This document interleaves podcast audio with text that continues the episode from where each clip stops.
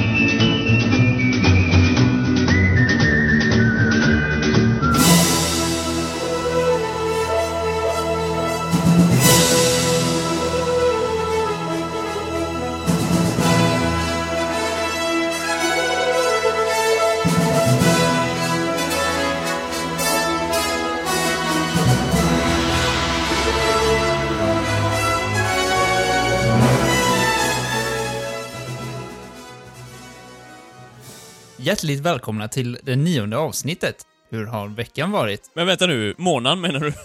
Hur har månaden varit? Ja, just det. Hur har månaden Man varit? tänker automatiskt att det är en vecka, men eh, Ja. det är det ju sällan. vi är lite veckoblinda. Nej men det har väl varit bra. Det har varit förra avsnittet var ju specialare, ju. Jag har tappat Eh. räkningen på vilket som var förra avsnittet. Det var... Del ett av Riverdale Ja. Ja, just det. Mm. Jo. Nej men, eh, månaden har väl varit, varit bra. Vi pratade lite om det häromdagen, eh, Simon och jag i alla fall, att eh, du sa ju det Simon i förrgår någonting, att nu har du verkligen jag, kommit in jag har i... kommit igång, ja. Det har varit väldigt avdankat egentligen i kanske ett halvår, tycker jag. Något sånt där, känns det som. Typ sen i december. Mm. Men nu den Och då ska vi senaste poängtera veckan... att, Va? vi ska poängtera att det inte är livet vi pratar om, utan det är västen. Ja, precis. precis. Och vi har ju, som vi kanske inte har nämnt, har vi en Excel-fil där vi listar alla västernfilmer vi har sett. Mm. Eh, dels de som vi har betygsatt här då, men eh, alla som vi har sett helt enkelt. Mm. Och vi börjar ju närma oss 100 nu, eller jag, du och jag i alla fall ju. Inte jag. Då ska vi uppe på 35 eller någonting sånt kanske? Ja, något sånt. För jag, Men vi är, vi är ju lite äldre med. jo. Ja. 94 är jag uppe i nu. Ja, jag tror jag... Är inte jag på 94 med då? Jo, vi har nog sett 94. Ja, 95. Jag, håller, jag ser ju Conager nu, så jag är på 95 nu. Nej, nej, nej, nej, nej, nej, 93. Ja. Men det är också en sån här typisk 95,5. extremt... Upphängd på siffra. Ja, och extremt nördig grej som egentligen... Men varför gör man en sån här grej? Varför gör vi den här listan egentligen? Vi är svag för siffror. Ja, statistik Svaga överlag va? Det är kul Ja. att o- organisera på något sätt, är det inte det? Jo, Jo. Och så, så har jag hållit på med ganska ofta. Och därför ska Alltså- vi prata om utgångshastighet och eh, kaliber idag. Nej. ja. Nej men, eh, det, vi sa ju det att nu, idag när vi spelar in det här är det alltså den 16 maj. Eller i alla fall en del av det här avsnittet. Mm. Eh, Det blir upppackat. Vi kommer ju... Ja, tanken är ju det att ett segment, det är också ett ord vi är svaga för. Eh, det- Man skulle kunna ta en sån här fylle, fyllelek. Bara, hur, varje gång de säger segment i Västernpodden. Vänta lite nu. Men, eh, Gjorde vi inte det förra avsnittet? Ja, men, nej men eh, ett segment kommer vi förhoppningsvis spela in på High Chaparral, där det är öppningshelg nästa helg då. Mm. Ehm, och där kommer det ju hända lite nytt. När ni lyssnar på det här, eller ja, ja vi vet ju inte när ni lyssnar på det, men förmodligen inte innan det sänds i alla fall. Eh, vi har ju fått veta, det kommer ju vara lite nyheter. Mattias sa ju det när vi var på High Chaparral, att det skulle hända lite nytt. Och nu vet man ju lite grann mer då, förutom det här Deadwood. Mm. Och det är ju ett helt nytt område egentligen. Texas. Mm. Och det är väl, tanken är väl bara att det ska få det roliga ordet, större spridning i parken. Ja, De flesta vill minska Covid. spridningen, men... Ja, jo. Ja. Nej, men... eh, Ja. Få... eh, Men få större, vad heter det? spridning på eh, besökarna. Ja. Ja, precis. Tanken är väl Och- framförallt att det ska bli en ny huvudled, va? Eller två Mm. alternativa huvudleder. Annars har Ja, du egentligen bara att det inte en. bara är en. Ja, nej precis. Det, det är också kul att du nämnde covid just, för det är ju faktiskt kor som, som finns där. Kor vid. Tex, Texas Longhorn. Ja. Och det var de enda i hela Sverige. sa de. Ja. Jo, men eh, det kommer ju vara lite sån här... Det tycker vi är lite roligt, lite um, infoskyltar här och var. Visste du att? Och lite quiz och sånt. Just det. Ja. Väldigt bra för barnen, tänker jag överlag. Eh, Mm. Och vuxna för den delen med, men... eh, vad var det mer som var nytt? Jo, eh, när man eh, kommer in till entrén så istället för att knalla in till Young Guns, som man kanske gör med barnen, så har de ju byggt ett nytt... Ett varuhus va? eller något liknande? Affär? Mm. Ja, Young Guns Warehouse. Ja, det är, det är till- specifikt Young Guns då. Ja. Det är, ja. Ja. Till höger om eh, bootsmakaren och det va? Okej. Alltså om man går in med entrén. Visst var det till höger om det? Ja, ja, precis. Men det, du måste gå in för att komma in dit. Du kan Ja. inte nå det via utsidan, nej. Nej. Nej, det vet jag inte. Men Eller ja, jag tror inte kanske. Men jag tror inte. Men det kommer vara en till entré va? Var det så? En, camp, en campingentré med? Ja, just det. För de Ja, det var väl lite otydligt va? Alltså, Ja, ja, var det ljudet- bara camping... Gäster? eh, På, först lät det som att det bara var medborgare. Ja, Ja, just det. Ja, det, ja, nej, jag vet inte. Ljudet försvann lite där. Det var ju en livestream de höll i, men eh, det, det, det märker vi så småningom. Ja. det Och massa nya Eh. picknickområden. Man Ja, kan... precis. Och take away mat och grejer. Mm. Mm. Tanken är ju att man helst ska, som jag förstod det, ta med sig mat och sätta sig så att det inte blir som sagt spridning i... eh, Men var det inte det de ville ha? Jo. Ja, det är komplicerat. Nej men det, eh, det som var lite synd nu då, man hade ju hoppats på att eh, restriktionerna skulle släppa lite grann, men det har de ju inte gjort än. Det vä- väntar ju till första juni här. Eh, Mm. Så tåget kommer ju inte vara öppet för passagerare de två första helgerna. Har de sagt Eh. någonting om båten? Nej, det tänkte jag också på. Det har de inte sagt någonting om. Nej, det kanske gills mer som att man är ute va? Tänker jag. Ja, att det bara är antagligen. transport. Antagligen. Ja. Och sen... Eh, ja. Och sen Deadwood kommer ju inte heller vara öppet för medborgare, eller i, eh, i två veckor i alla fall. Nej. Men... Eh, Bara för vanliga därefter- parkbesökare. Ja, precis. Åh, vad roligt humör vi är på. Ja, jo. Ja. Ja. Ehm, Nej, nej men eh, dagens avsnitt då. Eh, vi ska ju fortsätta vår vapenserie. Eh, och förra gången eh, pratade vi om eh, den första kolten. Patterson. Vad minns vi om den då? Mm, ja du. Den hade lite, lite, lite strul med avtrycken. Mm. Vad annat. var det som var... Den fälldes Ja. inte alltid ut. Nej, precis. Man var tvungen ju- att plocka isär den för att ladda den. Mm. Det var lite mäckigt. Och han hade problem att sälja den. Till en början. Ja. Den, den- den ansågs ju vara för klen. Sen gjorde man ju den här Texas-modellen då som funkar marginellt bättre i alla fall. Ja, vi slutade väl lite med att eh, det såg ganska mörkt ut för den gode Mm. Samuel. Egentligen. Precis. Egentligen så slutade vi väl fel på ett sätt, för att det såg ju mörkt ut egentligen innan den här kända händelsen som vi tog upp med eh, Ja. Comanche-indianerna. Vad är det, 45 eller? Ehm, Ja, för, precis. För 42 gick ju Colt i konkurs. ja, och han sysslade med helt andra saker ett tag där. Ehm, Mm. Undervattensdetonatorer och sånt, Mm. Mhm. bland annat. Men det, som sagt, som det, det ser ju mörkt ut här, men det, det som händer då i Texas så har man ju imponerats av själva konceptet Colt tog fram ju. Mm. Även om man Mm. inte kanske var superimponerad av själva Patterson i sig, så var ju det här poängen med att ha en revolver, alltså just flerskottspistol egentligen då. Jo. Eh, det var ju det man var ute efter. Ja. Eh, Men eh, Mm. då kan man ju nämna hans namne, Samuel Walker. mm. Eh, Texas Ranger-kaptenen. Som är ganska känd, framför allt. Med tanke på att han har gett upphov till eh, Walker.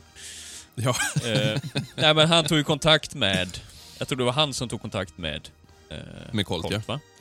Och Mm. Han ville ju ha just en kraftigare pistol som verkligen, det har du ju också nämnt innan, du nämnde ju du Emil, Mm. att Mm. du kanske, du skadar folk, du stoppar dem inte alltid. Den är ju för Nej. klen helt enkelt, Patterson. Mm. Mm.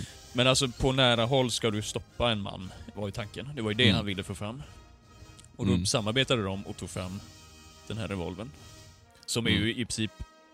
Ja, den är ju dubbelt så stor. Dubbelt så kraftfull, i princip. Mm. I Precis. krutmängd och ja, tyngd, så den väger väl två kilo drygt. Ja, runt två kilo. Eh, och når ju mycket längre då. Den här räckvidden är ju runt 90 meter tror jag. Ungefär. Och den första sex skjutan då va? Eller Eh, ja. ja, precis. Mm, ja. Ja, för Patterson var ju fem ju. Mm. Mm. Exakt. Eh, och designen på den här, alltså det, nu ska vi tänka då, Colt gick i konkurs 42 och 46 eh, så började man väl designa den tror jag. Jag tror att man tillverkade den först 47, eller om det var 47, ute för ja. för försäljning Ja, 47. 47. Eh, och... Jo men som vi sa då, alltså Colt hade ju stött på Patterson när han var Texas Ranger. Och eh, jag tror den dåvarande standardpistolen för Texas Rangers var något som hette Harpers Ferry. Och då var Ja, det ju en flint... typisk. Ja, en flintlåspistol med alltså ett skott åt gången, en sån klassisk Ja. liksom. Mm. Ehm, men grejen var ju här nu då att Colt hade ju ingen fabrik längre i och med att han hade konkat. Eh, så han hade ingenstans att tillverka det. ja, just det. Eh, Så då fick han ju vända sig till Eli Whitney Jr. och kom överens om att få tillverka Walkern i Whitneyville Armory. Med en liten klausul där då som är ganska viktig för framtiden. Att han skulle få de verktyg som skapades för att tillverka Walkern. De skulle han få sen. Vem? Eh, Colt. Mm, ja. Så de använde liksom eh, Eli Whitneys eh, verkstad om man säger. Eh, och militären beställde ju då 1000 ex. Mm. eh, tror jag det var. Man tillverkade 1000 ex där och eh, sen gjorde man 100 stycken till den civila marknaden. Mm. Eh, och det här är ju väldigt få då, så det finns ju bara 1100 walkers. Alltså renodlade, riktiga walkers liksom. Mm. Och, och det i sin tur gör ju att de här är ju extremt eh, värdefulla idag. Mm. Eh, 2008 såldes alltså ett ex eh, som användes i mexikanska kriget på auktion för 920 000 dollar. Mm. Eh, och 2018 såldes det enda exemplaret som hade kvar originallåda och allting, alltså alla tillbehör. Oj. Kan ni gissa för mycket? Vad sa du för, på förra? Eh, 920 000. Ja, det måste göra det dubbla då i alla fall. Ja, minst. Ja, men tre. Ja, en, Nej, det är kanske för mycket. Nej, 1,5 då. nej, nej. 1,8 Ja. miljoner. Men det är ju ungefär det dubbla då. Och det- nästan exakt. Det- Ja, ja, precis. Och det är ju alltså det enskilt dyraste handelsvapen som någonsin har sålts på auktion. Den walkern. Mm. Mm. Ehm, Jag antar att den var i väldigt fint skick med då. Om lådan och allt var Ja. intakt. Eh, Ja, exakt. Men vad sa du, var den, var, den, var den använd? Nej, det var den andra som var använd i mexikansk. Mm, det andra användes i mexikanska kriget. Ja. Den här vet jag inte om den använts. Det förtäljer inte historien. Kan ju tillägga med Eller- att eh, Walker fick ju två Mm, precis. Walkers skickade till sig då. Strax innan han Mm. dog egentligen. Han dog ju Ja. i en... Var det, var det mexikanska... Ja, mexikanska kriget. vi- Vilket Mm. slag? Men det var 47 i alla fall va? Det var precis samma år där ju. Det var ju Det var- strax ja, det var efter den var när den kom, producerad liksom. eller tillverkad ju. Och han hade dem när han dog.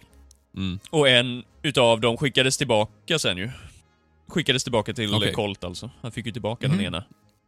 Okej. Jaha. Eh, sen vad som hände med den sen jag. Vet inte om den blev, är bevarad eller finns på museum eller liknande. Det är Ja, inte helt ja det lär omöjligt. den ju vara. Jo. Den kan man ju tänka sig annars om den skulle säljas. Det lär ju vara... Jo, för han höll den väldigt kär, vet jag. Colt, när han fick tillbaka den. Ja, jag har fattat som att det här var ett väldigt liksom, nära samarbete, att de kom varandra väldigt nära. Och det är ju, alltså egentligen kan man ju säga så här att det är ju helt och hållet tack vare Walker som Colt sen Mm. fick ett uppsving igen. Alltså hade inte det här hänt så hade, då hade du förmodligen, då hade vi inte sett eh, Peacemaker så småningom. Nej. Antagligen. Mm. Ehm, men vi kan säga det där, det, det fanns ju... Även om det här var en stor förbättring mot Patterson på alla sätt och vis. Alltså, som jag tror, så har vi kaliber, det var ju 44. Ja. L- längden på den då, det var ju 9 tum. Alltså det är ungefär runt 40 centimeter va? Det, det är väl Eh. egentligen, jag läste någonstans, det är väl en, det var ju länge den kraftfullaste pistol som fanns egentligen, fram till 30-talet. När det kom Ja, någon 35. Magnum. Ja. Ja. Ja, Smith Wesson modell 27. Mm. När den kom så, Mm. precis. Så det är ju extremt länge egentligen. 100 år nästan, nästan. nästan 100 år. Ja. Mm. Men vi kan säga lite, den hade ju sina problem även den här då. Mm. Eh, bland annat det här med spruckna cylindrar.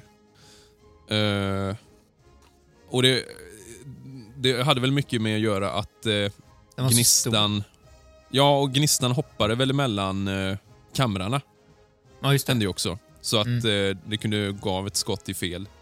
Det som inte låg i, när det inte låg en kula i loppet liksom. Mm. Eh, och då använder man sen, jag tror det var ister, kan det vara det? Lard? Kan det vara ister? Jag vet inte. Man la det på varje kula för att förhindra att gnistan skulle hoppa mellan kamrarna. Mm. Okej. Men det är väl mycket större kamrar i den här. Jag tänker en, Mm. även Dragoon sen. Det var, det var väl Ja, just ja, det precis. som... Ja, det tar vi sen. Men, ja. Mm. Eh, lite kul då, för, för det, det händer ju ofta då att, eller ofta, men 300 av de första tusen då, de skickades ju tillbaka direkt till fabriken för att eh, repareras. Ja. Men det är lite kul just det här med, för det hände ju att de exploderade handen på folk. Eh, lite kuriosa där, Gene Hackmans karaktär i... Mm, eh. Han nämner ju det, vad heter den? Det I syns- Unforgiven. Ja, precis. Att en Walker exploderar och dödar sin eh, bärare under en duell i en saloon. Ja. Eh, Jo. En annan grej då som var problem med den, det var ju själva laddarmen. Eh, den, det, jag tror det var en fjäder som satt eh, ganska nära cylindern. Mm. Som när du laddar och drar ner och sen skulle du kunna pressa fast den då. Men det som hände var att när du sköt, rekylen gjorde ofta att laddarmen lossnade. Mhm. Så den hölls inte på plats. Den, den var mycket problem, så det var många som liksom band fast den med ett snöre. Det ser man på vissa, att de har liksom knutit fast den längst ut vid, ehm, vid siktet. Mm. Efter man har gjort klart den här eh, beställningen då på eh, 1000X till militären, som överlag var de ju väldigt nöjda med den. Mm. Mm. Men eh, Colt märkte att det fanns ju eh, utvecklingsmöjligheter. Mm. Och militären beställde sedan 1000 X till. Och då kunde Colt nu, då behöver inte han göra det i eh, Whitney Wills Armory så småningom då.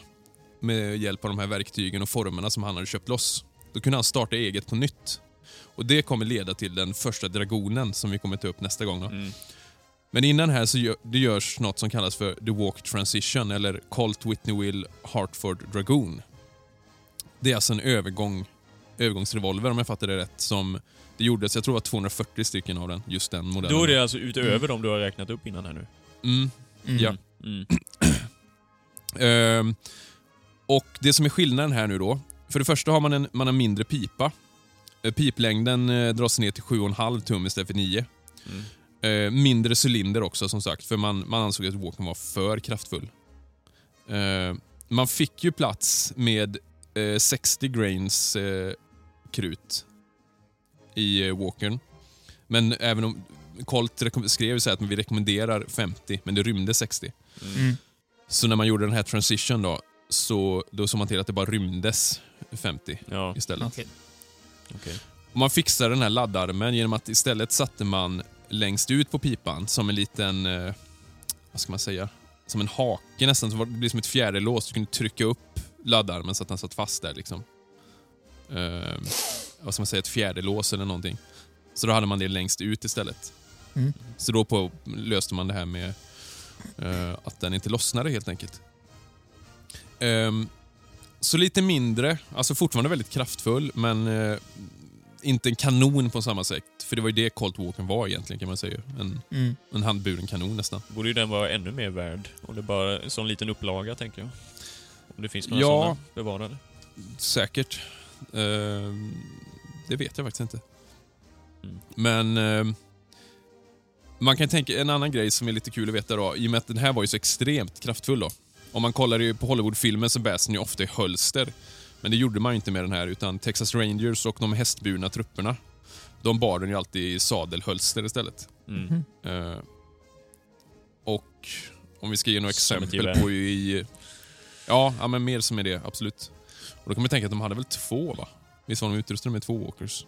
Ja, det låter bekant. Ehm, men just filmmässigt, ja. Den används ju... Den är ju med, figurerar ju i en del Mm. filmer. Mm. Eh, Kommer du på några? Ja, Lonesome Dove, jo det är ju i och för sig miniserie, men... Sen är frågan, Mm. är den med i boken eller hur är det där nu? Har han en Dragoon eller har han en... Walker? Jag tror att det är en walker i boken med. Ja. Men i filmen är det ju en konverterad. Ja. Han är ju en Texas Ranger där, eh, vad heter han? Han har varit ja. Duval. Ja, vad heter karaktären? Mm. Gus. Gus, ja. Eh, Gus McRae. ja. Och sen, ja givetvis, dels är det den- en den här uh, Clintan, 70-talsfilmen, va? Han har två Walkers. Jag kommer inte ihåg Det vad är det Josie Wales. Ja, är det den? Wales. Har han inte två Mm. Walkers där då? Ja, är det Jo. två walker verkligen? Är det inte Ja. Naval Walker? Nej, jag vet inte. Nej, jag det är två Walker. Ja, och sen har du ju True Grit. Det här är lite kul. I True Grit, alltså det vill säga den första filmen, John Mm. Wayne-upplagan, så är det ju en eh, Walker de, hon använder där, men de säger ju att det är en Dragoon. Det är ju bara för att de ska få den så stor som möjligt, misstänker jag. För att Walkern Ja, är ju större. ja. Men i den nya Ja. filmen så är det ju en Dragoon som hon Ja, använder. och i boken är det Dragoon med. Ja, ja precis. Det är en konverterad Walker i filmen va? I vilken? Den gamla? I True Grit, den gamla. Ja. Oh, jag minns inte riktigt det faktiskt, om jag, när hon laddar Alltså, jag- den eller... Man får se det. Jag någon- läste nu att oftast så är det ju tyvärr konverterade för att det är enklast i film. Alltså när Mm. du ska ha såna lös... Jo, jo. Eh, så oftast verkar man ju köra på det. Ja. Mm. Men de- den här, alltså Walken är ju lite ball. Den är ju, eh, just att den är så stor och kraftig liksom. Ja, jo, den är Mm. häftig. Jag har fått känslan Simon lite att det här är en av dina favoriter. Jaså? Jo, ja, alltså, men du har ju ofta- du- du vill ju ha den så- som replika, ja, till jo, exempel. jag skulle kunna tänka mig en, en Walker, Mm. absolut. Jag pratar ju med... Det känns som jag har, ja, jag har stadig mailkontakt med dem där. Men jag hittade ju en eh, ritning, en komplett ritning på Walker Mm. vilket svenskt ut Walker. Walker-revolvern va. Så jag skickade ju den till dem. Så de sa ju det att eh, de ska längre fram försöka få till det. Ja, det hade varit kul, Ja. Ja. faktiskt. Det är ju ändå något vi- mål att man vill ha alla koll Ja, i... Glöm inte Remington. Alla, avar, alla avarter. Nej, Remington vill man... Ja, Och gamle det är ju det här som är problemet när man öppnar... Pandoras ask. Jag, jag, jag inbillar mig att man, när, när, när man som vi börjar liksom från scratch, att man tänker att Colt är det, Mm. eh, det enda liksom. Eller det är inte det enda såklart, men det, det, det, det riktiga. Mm. Men visst är det så Remington, eller är det Smith Wesson, som anses vara mer stabil va, än till exempel Peacemaker? Mer träffsäker eller vad det är? Det är något sånt där, det är någon modell. Mm. Jo. Ja, nu, kill, nu killgissar jag, eller tjejgissar som Simon säger. Men, eh, ja. Eh, nej, det är lite ballt. Mm. Men så nästa gång vi i alla fall, eh, då blir det ju Dragonen som eh, hamnar i fokus. Mm. Mm.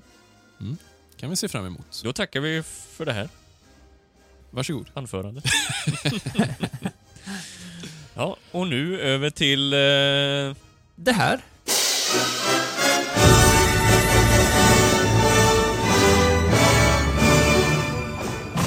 Det är lugnt och tyst här ikväll. Just vad det ska vara det, Jake Logan. Ta ditt gäng och stick va. Jag vill inte ha något bråk här ikväll. Ja, här kommer lite korta nyheter. Ja, men vi, vi, vi, Vänta, vänta, vänta, vänta. Jag ska bara ställa in eh, tidtagaren här. Börja. Det är lite filmnyheter då. Eh, bland annat så är det så att det kommer komma en ny Billy the Kid-serie av eh, skaparna bakom Vikings. Och Simon kan inte vara mer nöjd med, med det, för han tycker att eh, de är så historiskt korrekta i Vikings vad gäller kläder och så vidare. Ja, Så du misstänker ju att det här kommer bli det mest historiskt korrekta någonsin? Jo, eller? antagligen. Antagligen. Det är som, som Lina brukar säga, de handlar kläderna på H&M Eller indiska är det kanske. I Vikings? Ja. ja. Och sminka sig Ja, ja nej. fullt. Ja, vi ska inte gå in på det tror jag. Nej, Nej men den är, det är lite intressant. Ehm, det kan ju bli något eh, bra, hoppas jag på. Mm, Ja. det. Tu- Tudors, Tudors har väl han gjort med han som gör Vikings va? Jaha, ja, det är möjligt. Den... Och den har väl också fått ganska bra. Det må, alltså oavsett hur historiskt korrekt det är så har ju både Vikings och Tudors fått ganska höga betyg. Tänker jag. Så det, det kan vara i- i bra händer i alla fall. Mm, Ja. Visst, vi får se. Ehm, I övrigt, om det är några som eh, tittar på Yellowstone. Det här är ju egentligen kanske inte så nytt, men eh, vi, vi har nog inte nämnt det. Eh, det ska ju komma en prequel-serie till Yellowstone som heter Yellowstone eh, 1883. Och Det ska väl handla om, som jag fattar om hur familjen Dutton kom till Yellowstone. Eh, alltså det här att de beger sig västerut genom the Great Plains mot den sista orörda biten land i Amerika. Mm. Mm. Ja, det kan absolut bli bra. Och jag läst... Ja, och det ska innefatta olika tidseror under de 130 år som Duttons har varit bosatta där, fattar jag det som. Mhm. Ryktas om att det eventuellt ska släppas i slutet av 2021. Så det vore ju intressant. Är det Kevin Ja. Costner som ska spela sin egna farfars far? Eller så? Nej, tyvärr. Det hade jag ju önskat. Jag Ja, jag vet inte. Kanske. gillar honom väldigt mycket. Jo, jo. Ehm, mm. Sen tänkte jag vi kan nämna den här bara First Cow också. Som Simons fru Lina tipsade om där med. Ja, vänta nu, vad var detta? Ja, vänta nu. Jo, men du. Var det han, hon som ligger bakom Meeks cut-off, eller? Ja, precis. Ja, just det. Det är ju den här fokus på nybyggare och eh, immigrering egentligen än något annat.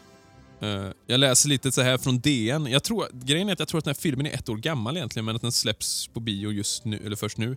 Okej. Den går ju på utvalda... Vad heter det? Inte Filmstaden, utan vad heter det? De andra? Saga. Ja, är det det? Typ bio.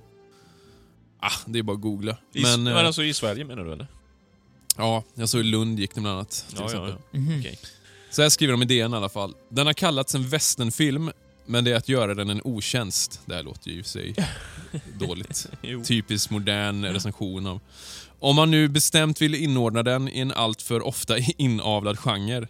På senare år, inte minst genom Quentin Tarantinos The Hateful Eight och Django Unchained, som oftast utmärks av erövringen av land och vida vidder med ridande män, strider mellan laglösa och lagens väktare, mellan nybyggare och urbefolkning. Det är ju det man... Det där låter ju underbart, det hon anser är dåligt. Så kommer man oundvikligen bli besviken. I First Cow hörs inte ett enda skott. I mina öron låter den jävligt tråkig om jag ska vara ärlig. Mm. Ja, jag har tyvärr inte läst så mycket om den, så jag kan Nej. inte uttala mig Nej. frågan. Det, det, det, det, den, jag fattar det som att den ska vara extremt så här liksom eh, det lilla formatet. Mm. Alltså, Eh, den inga vida vidder utan... Ja. Ja, den Meeks eh, är ju väldigt speciell på sitt sätt. Mm, Men jag tycker i för sig, jag var positivt överraskad över den. Den var faktiskt mycket, mycket bättre än vad jag hade väntat mig. ja. Så vi ska väl inte gå in på den så mycket nu i och för sig, men... Nej. Är lite, det är lite det här, den här, vi pratar den här tidens, den här erans westernfilm. Mm. Lite grann. Mm. Mm. Lite det här konstnärliga, mindre, eh, jordnära. Eh, I och med att jag är väl den av oss som har sett flest 2000-talsfilmer. Kan Ja, säga. ja, är du säker på det? det är bara att kolla på listan. Jo, så är det ju. Ja, Jag tror det är en jag har Eh. sett som inte du har sett. ja. Så jag är ganska trött på den. Men det händer ju onekligen en del, så det, det är en del att se fram emot i alla fall. Mm. Mm. Absolut. Sen kan jag säga en annan eh, rolig grej kom jag på från Kolser som är lite kul. Eh, jag gillar ju Doc Holliday väldigt mycket och håller på, li, inte, inte reenacta honom, det ska vi inte påstå, men lite liknande kläder. Ja, det kommer Eh, nog. Det kommer. Ja, det kommer vi få se. Jag håller på att läsa han, en, lite böcker om honom med. Lite böcker, En bok. Läser flera stycken. ja. Men eh, artiklar. Mm. Eh, I alla fall, jag vill ju få skaffa en, eh, vad heter den? Thunderer, eller Lightning är det väl egentligen, som han ska ha haft, en Colt. Eh, och det är svårt att få tag på replika. Eh, och det är också svårt att få tag på en licensfri med tanke på att det är gaspatron. Men eh, då skrev jag till Kolser, som jag brukar göra, och bara skulle kolla om de möjligtvis kunde göra en specialgjord. Även om det inte blev en exakt kanske de kunde ta delar av en eh, vanlig Colt och sen göra om handtaget tänkte jag. Då fick jag en eh, prototypbild som jag tyvärr inte får visa än då, men eh, på att de just jobbar med detta. Ja. Så de kommer göra en... Eh, det är rätt sjukt. Det är riktigt Att- roligt faktiskt. Alltså Mm. ganska smal, om man säger så, pistol Jo, jo, på det jo, sättet. absolut. Så det är väldigt roligt att de gör den. Det är kul. Eh, jag tyckte de sa att, vad skrev jag? Att de skulle bli klara efter sommaren va? Ja. ja, Mer än. det, ja, det var något sånt va? I år i Och alla det är fall. för mig. pärlemorshandtag och sådär med. Så det, det, det blir kul. Mm. Låter dyrt dock. DOC ja. Ja, jo. Mm. Nej men, eh, det om dessa nyheter. Har ni något annat? Näpp. Nej. Nej. Nej. För att citera Lucky Luke. Då hoppar vi raskt vidare till, till nästa segment. I said throw down, boy. You gonna do something or just stand there and bleed? No? I didn't think so.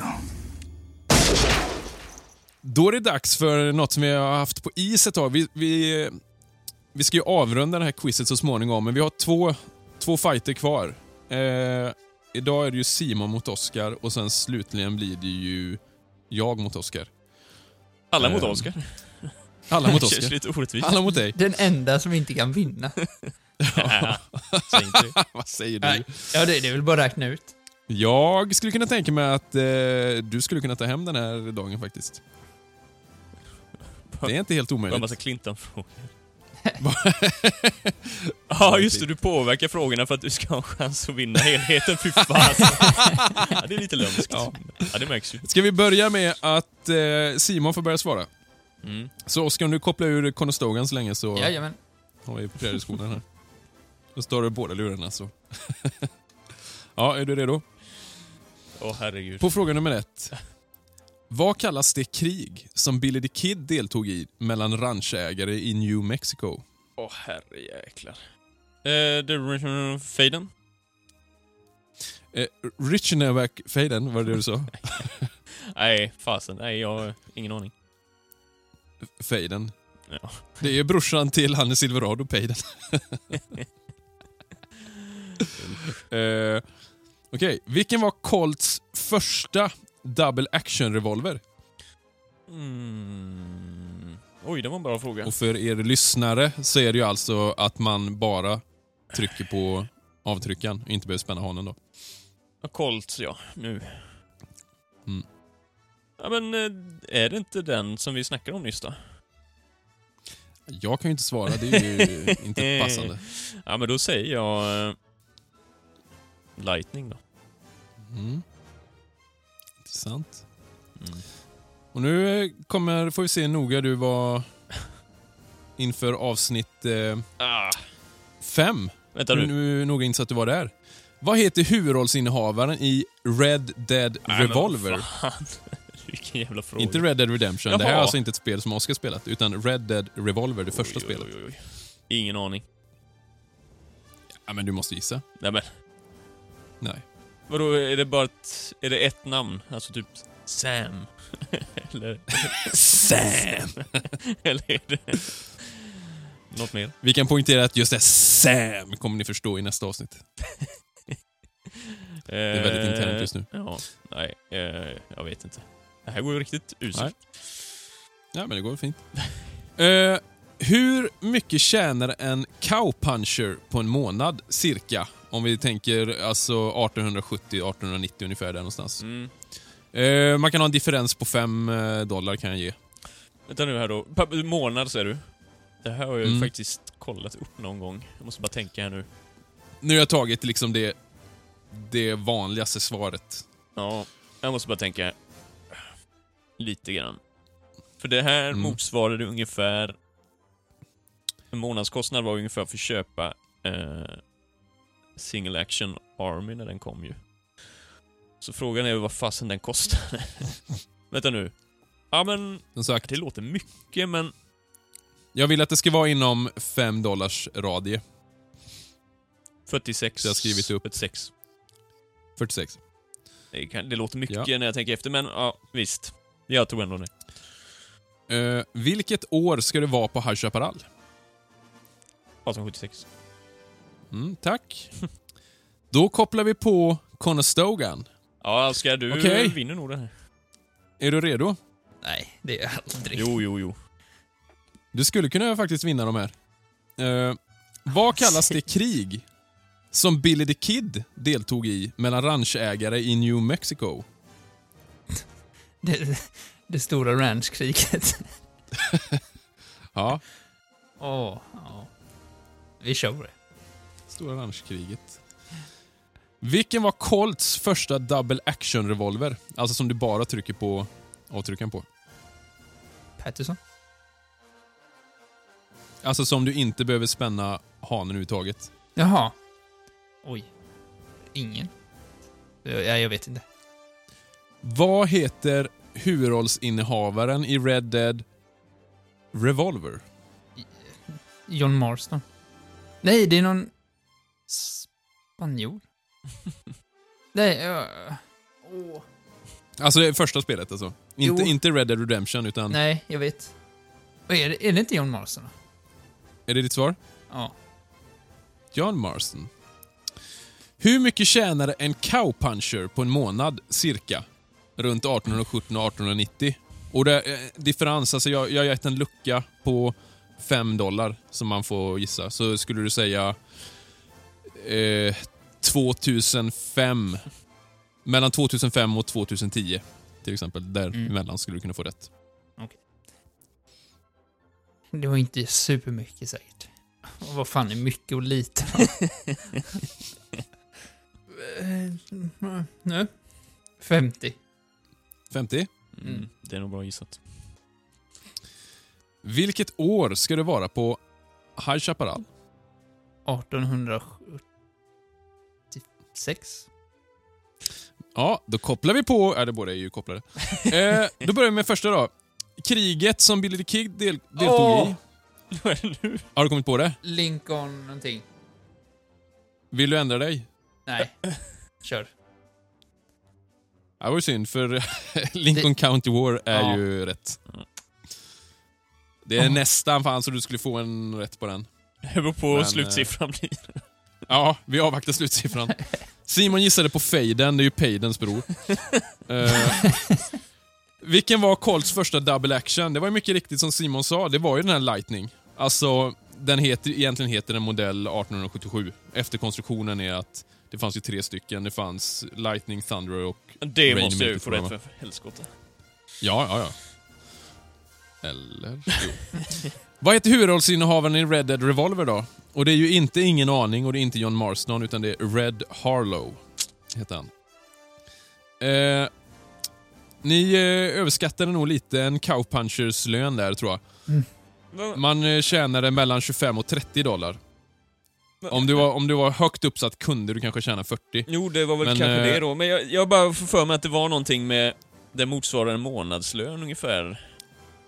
Men, Ja, men, vad den kostade ju konten? runt 25, var det inte det? Det var ja, ju det runt så. kostade så, lite. Ja. Motsvarande idag i alla fall. Oh. Det skulle vara ungefär 650 dollar med inflation och sånt och då är det typ 5500 i månaden. Mm. Så det är ju ingen våldsamt eh, hög lön. Om man jämför med till exempel med eh, de som sålde eh, skinn. Nej, det, är- Eh, ja. Buffel. Jag tror de fick 30 dollar per... Nej, tre.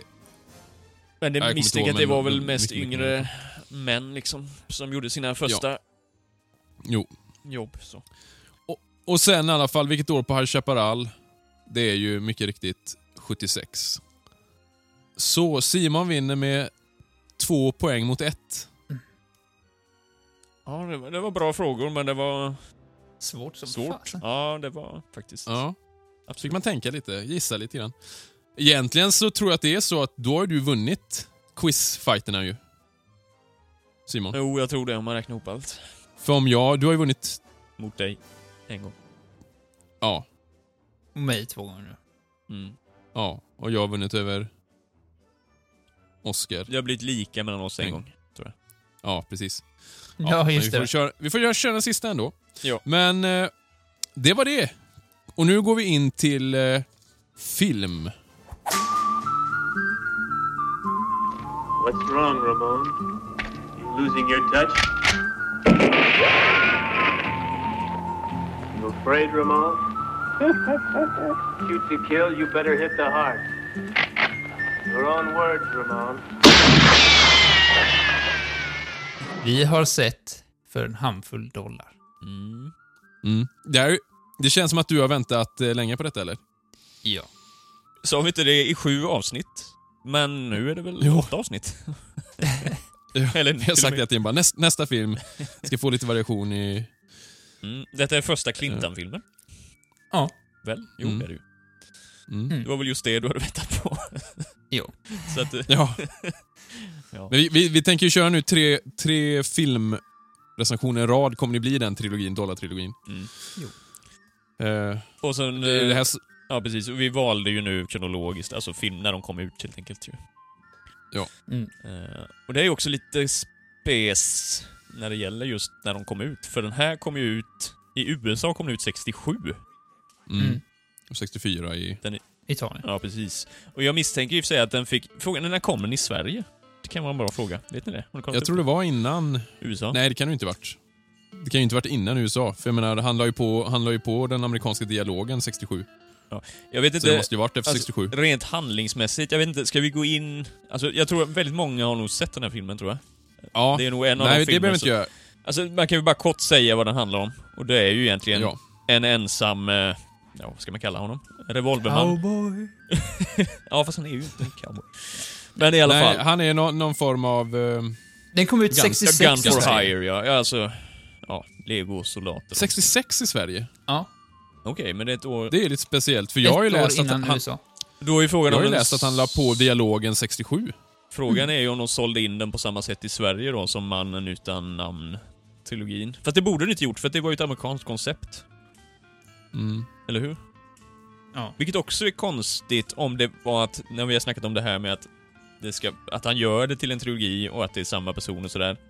Om konceptet var 67, då är det ju efter han har spelat in alla filmerna. Fast vadå, konceptet av det är ju inte från 67. Det konceptet var ju när han gjorde filmerna. Nej men alltså sålde, jo men jag menar om den släpptes så, så sent Jo, som 67. Jo, jo, men ha, han själv sa ju att han började tänka när han gjorde... Jag menar, det är ju ganska uppenbart med tanke på det här att han får ponchon i... Jo men Mannen utan namn, just, just att han heter det, och den trilogin, det är väl ändå en amerikansk grej. Jo, jo, ja, just, just det med själva konceptet i sig menar jag. Att han är mannen utan namn. Jo, ja, ja. Men just namnet mannen utan namn, skitsamma. är, det, det är ju en... Ja, Ja, men han kommer ju till en liten stad, jag vet inte egentligen, säger de vad det är för någonstans? Är det Mexiko? San Miguel i Mexiko. Ja, de säger det. Eh, Där det är två rivaliserande gäng, Rojos och Baxters. Och, Ja. eh, Baxters är ju irländare antagligen, och Rojos är ju mexikaner såklart. Och sen är det väl, nu ska vi se, vilka är det som sysslar med sprit? Är det Baxters? Och de andra med vapen eller? Är det tvärtom? Vilket Jag tänker, när, är det inte Ja. sprittunnor som han rullar ner på dem när han är Jo, då är det nog Baxter som sysslar med vapen och Rojos med Ja, sprit Ja. då. Eh, så borde det vara. Ja, och han kommer dit ehm, och börjar spela ut dem mot varann. Ja. Han är tänker det att han kan tjäna pengar på det här. Ja, precis. Så han jobbar ju för ena för att tjäna pengar, sen jobbar han med de andra. Och, Mm. Och den eh, startade ju en spaghetti våg Och det är ju absolut Jo. inte den första Mm. spaghetti filmen detta. Kan ju vara värt att Nej. tillägga. Nej. Utan jag tror den första anses vara någon film från 58 någonting va? mm. Eh, och då, alltså poängen med en spaghetti är väl egentligen enkelt förklarat en, alltså en amerikansk tema inspelat i Europa. Framförallt. Exakt. Ofta Spanien. Eh, vilket i och för Det, sig... det som händer... Va? Ja, jo. Det, det som händer här, det, det, det Leone gör är ju att han sätter ju sitt trademark på det som på något sätt eh, för många blir en, en mall för hur en västern Ja. ska vara.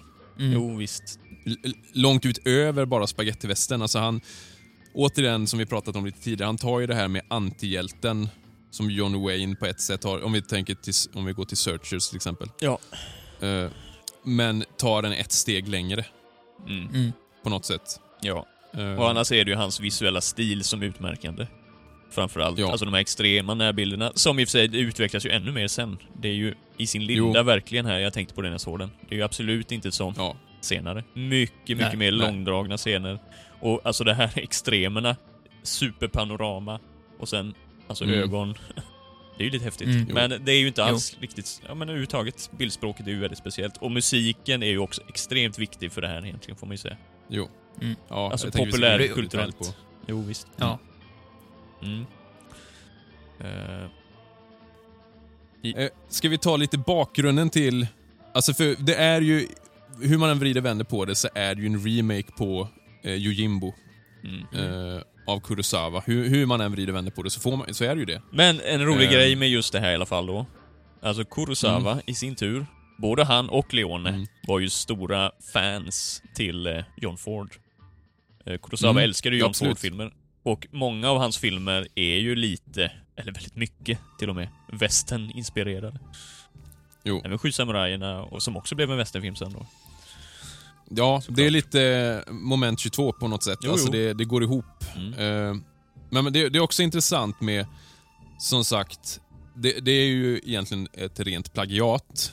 Och Jag tror till och med att det var någon som sa, någon som satt, att alltså Leone och någon, om var någon producent eller någonting, satt och kollade på Yojimbo på bion och så sa den ena att, till Leone, eller om det var han som sa, att det här skulle göras väldigt bra som en western. Mm. Mm. Jo, jo. Ehm, men däremot också då, det vi varit lite inne på. Det kan vara värt att nämna att Yojimbo, enligt vissa, är ju inte heller ett rent originellt... Alltså det, det, är svårt, det är svårt att säga det om nå- något verk. Jo, jo. Men det finns många grejer med eh, Yojimbo som är väldigt likt eh, romaner base- eller av en... Eh, nu ska jag säga, är han engelsk eller amerikansk? Han måste vara amerikansk va? ja, jag Dashiell. Hammett, en eh, författare. Mm. Eh, en- enligt en del så är ju Yojimbo baserad på romanen Red Harvest från 1929. Eh, enligt Kurosawa själv så säger han att han snarare var inspirerad av noirfilmen eh, Glass. The Glass Key, Just det. Mm. som också är en Hammett-roman. då. Mm. En noir Eh. med eh, Alan Ladd.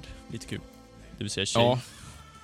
Eh, jag har kollat upp det där lite grann. Bland annat den här eh, tortyrscenen är ju rakt av taget därifrån. I vilken? Eh, det är I, i Yojimbo, Jo, som jo, men- i sin tur då i- har inspirerat... Eh, Jo, men vilken, vilken tortyrscen? I vilken utav föregångarna menar du? i, I Glass Key, Ja. i noir-filmen Men det är där. som sagt, det har jag ju själv gått ut med ju. Ja, var- och den är ju liksom in i detalj nästan. Eh, men däremot också det här då Red Harvest, för då påstår ju en del att det är bara en slump. Handlingen är ju så här kort i eh, Red Harvest. Vi ska se, jag har skrivit upp. Ja, men en skicklig man utan namn kommer till en liten stad terroriserad av gäng och infiltrerar dessa för att spela ut de rival rivaliserande gängen mot varandra. Det är alltså plotten i Red Harvest. Mm. Det låter ju ganska... Ex alltså intrigen i sig är ju identisk. Men jag, med- just den intrigen också, eller den idén om en person som spelar ut två olika gäng. Det känns ju som en väldigt arkaisk och gammal historia Nej, ja, du har ju den eh, A Servant of Two Masters, men det är ju inte på samma sätt alls. Nej, men jag menar, Det, det, grejen är att det, här, det är ju här det kommer ifrån. var kommer det Just, ifrån? just det sättet. Alltså att det är en, en väldigt, om man säger så, en skillad person utan namn just. Alltså jo, det, jo, att det är den en sån detaljen, visst, visst. Och just det här spela ut gängen mot varandra. Det, det är ju så exakt liksom. Det är svårt. Plus att han eh, eh, då har kollat Glass Key. Det, är- det är ganska stor slump. Alltså det, det, det är inte så troligt att han inte har kollat annat material, tänker jag, av Hammett då. Nej, nej. Ja, det var det samma Och sen kommer författare en- en- menar du? Ja, ja, ja. Key är skriven av Ja, Hammett. ja, ja. Ja, då är Och sen en annan grej. grej då. Det här är slutscenen, eller i slutet i Red Harvest. Eh, nearing the end, the hero watches as one gang launches a raid on the other gang's headquarters, lighting the place on fire. After much chaos, the leader inside shouts that he's surrendering, that he's coming out. He emerges from the smoke-filled doorway and the other gang leader shoots him down point blank. Ja, det är ju väldigt likt. Ja, så han, det, är, ju- det är bara lögn i helvete att han inte tagit därifrån. Så det är ju uppenbarligen en remake på en remake, mer eller mindre, Ja. kan man säga. Mm. Men stilistiskt har han ju tagit rakt av från, om man säger så här, Yojimbo är inspirerad av Jo. Red Harvest och Glass Ja. Key. Eh, Fistful of Dollars är ju Ja, men det är en remake, remake, ja. Yojimbo. Men det var ju ingen hemlighet att det var det. Alltså, Nej, nej, nej. det var ju under de premisserna som, eh, vad heter han, Clint Clint. kom med i projektet. För han, han gillar ju Jimbo. Tycker det var bra Mm. film Ja. liksom.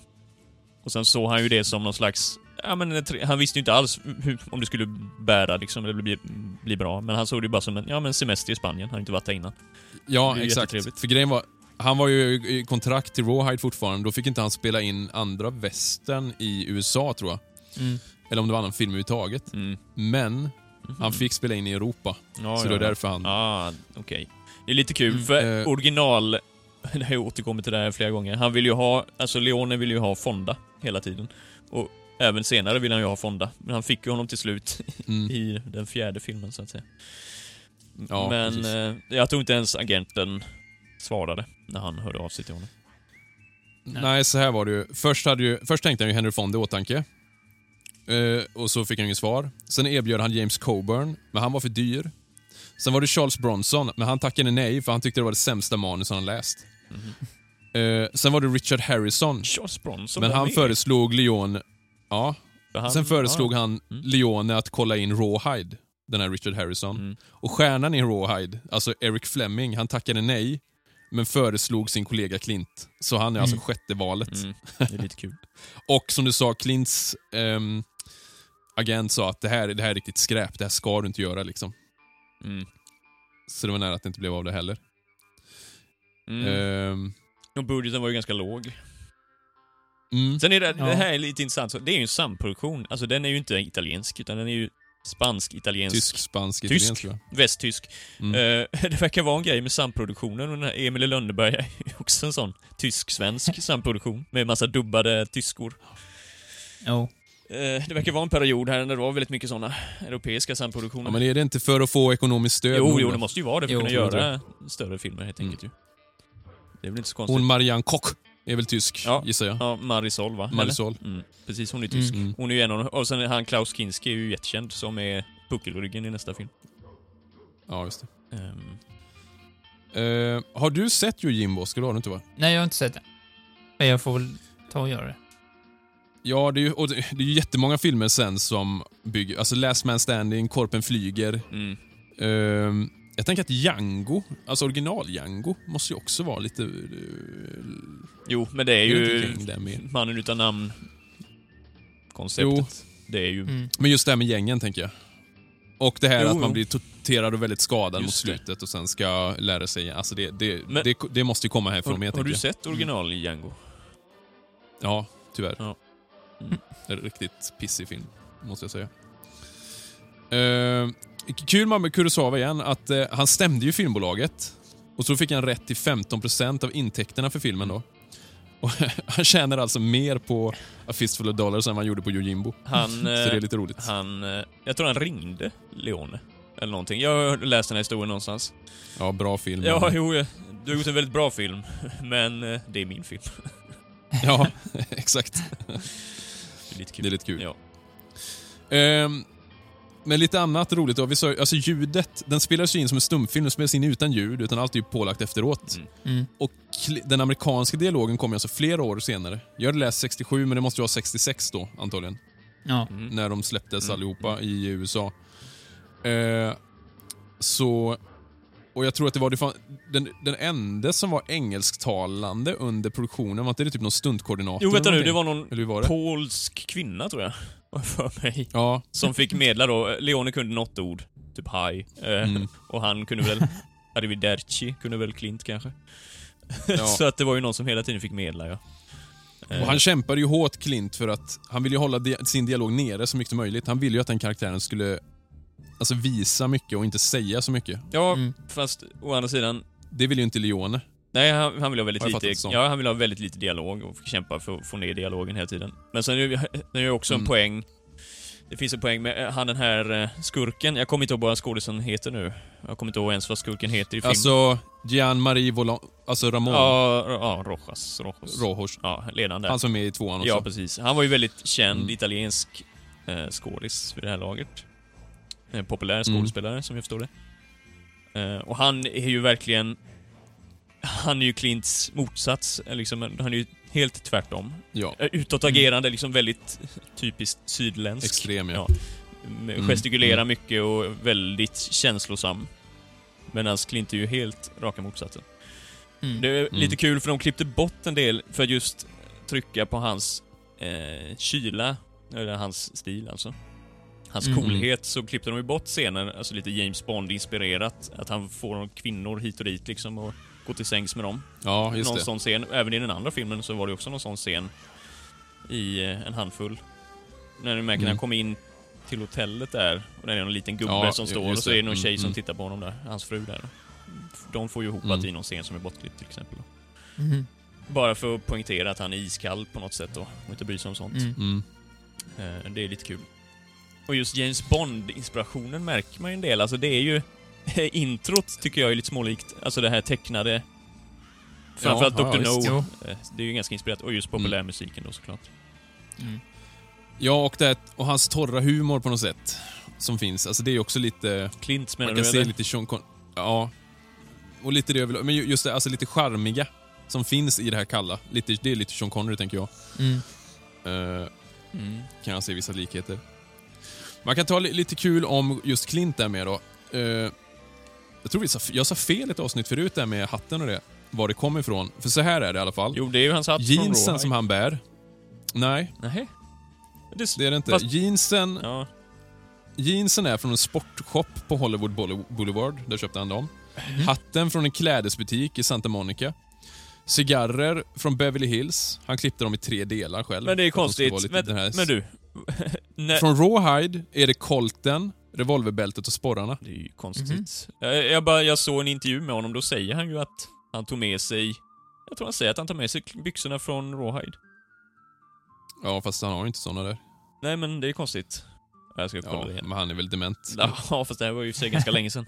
Det var ju 20 år sedan han sa detta. Ja, men för det var, alltså för, jag kan nämna det med, han är ju, jag har ju sett en del av Rawhide nu. Då spelar han ju Rowdy Yates. Det är alltså inte Eh, den hatten där.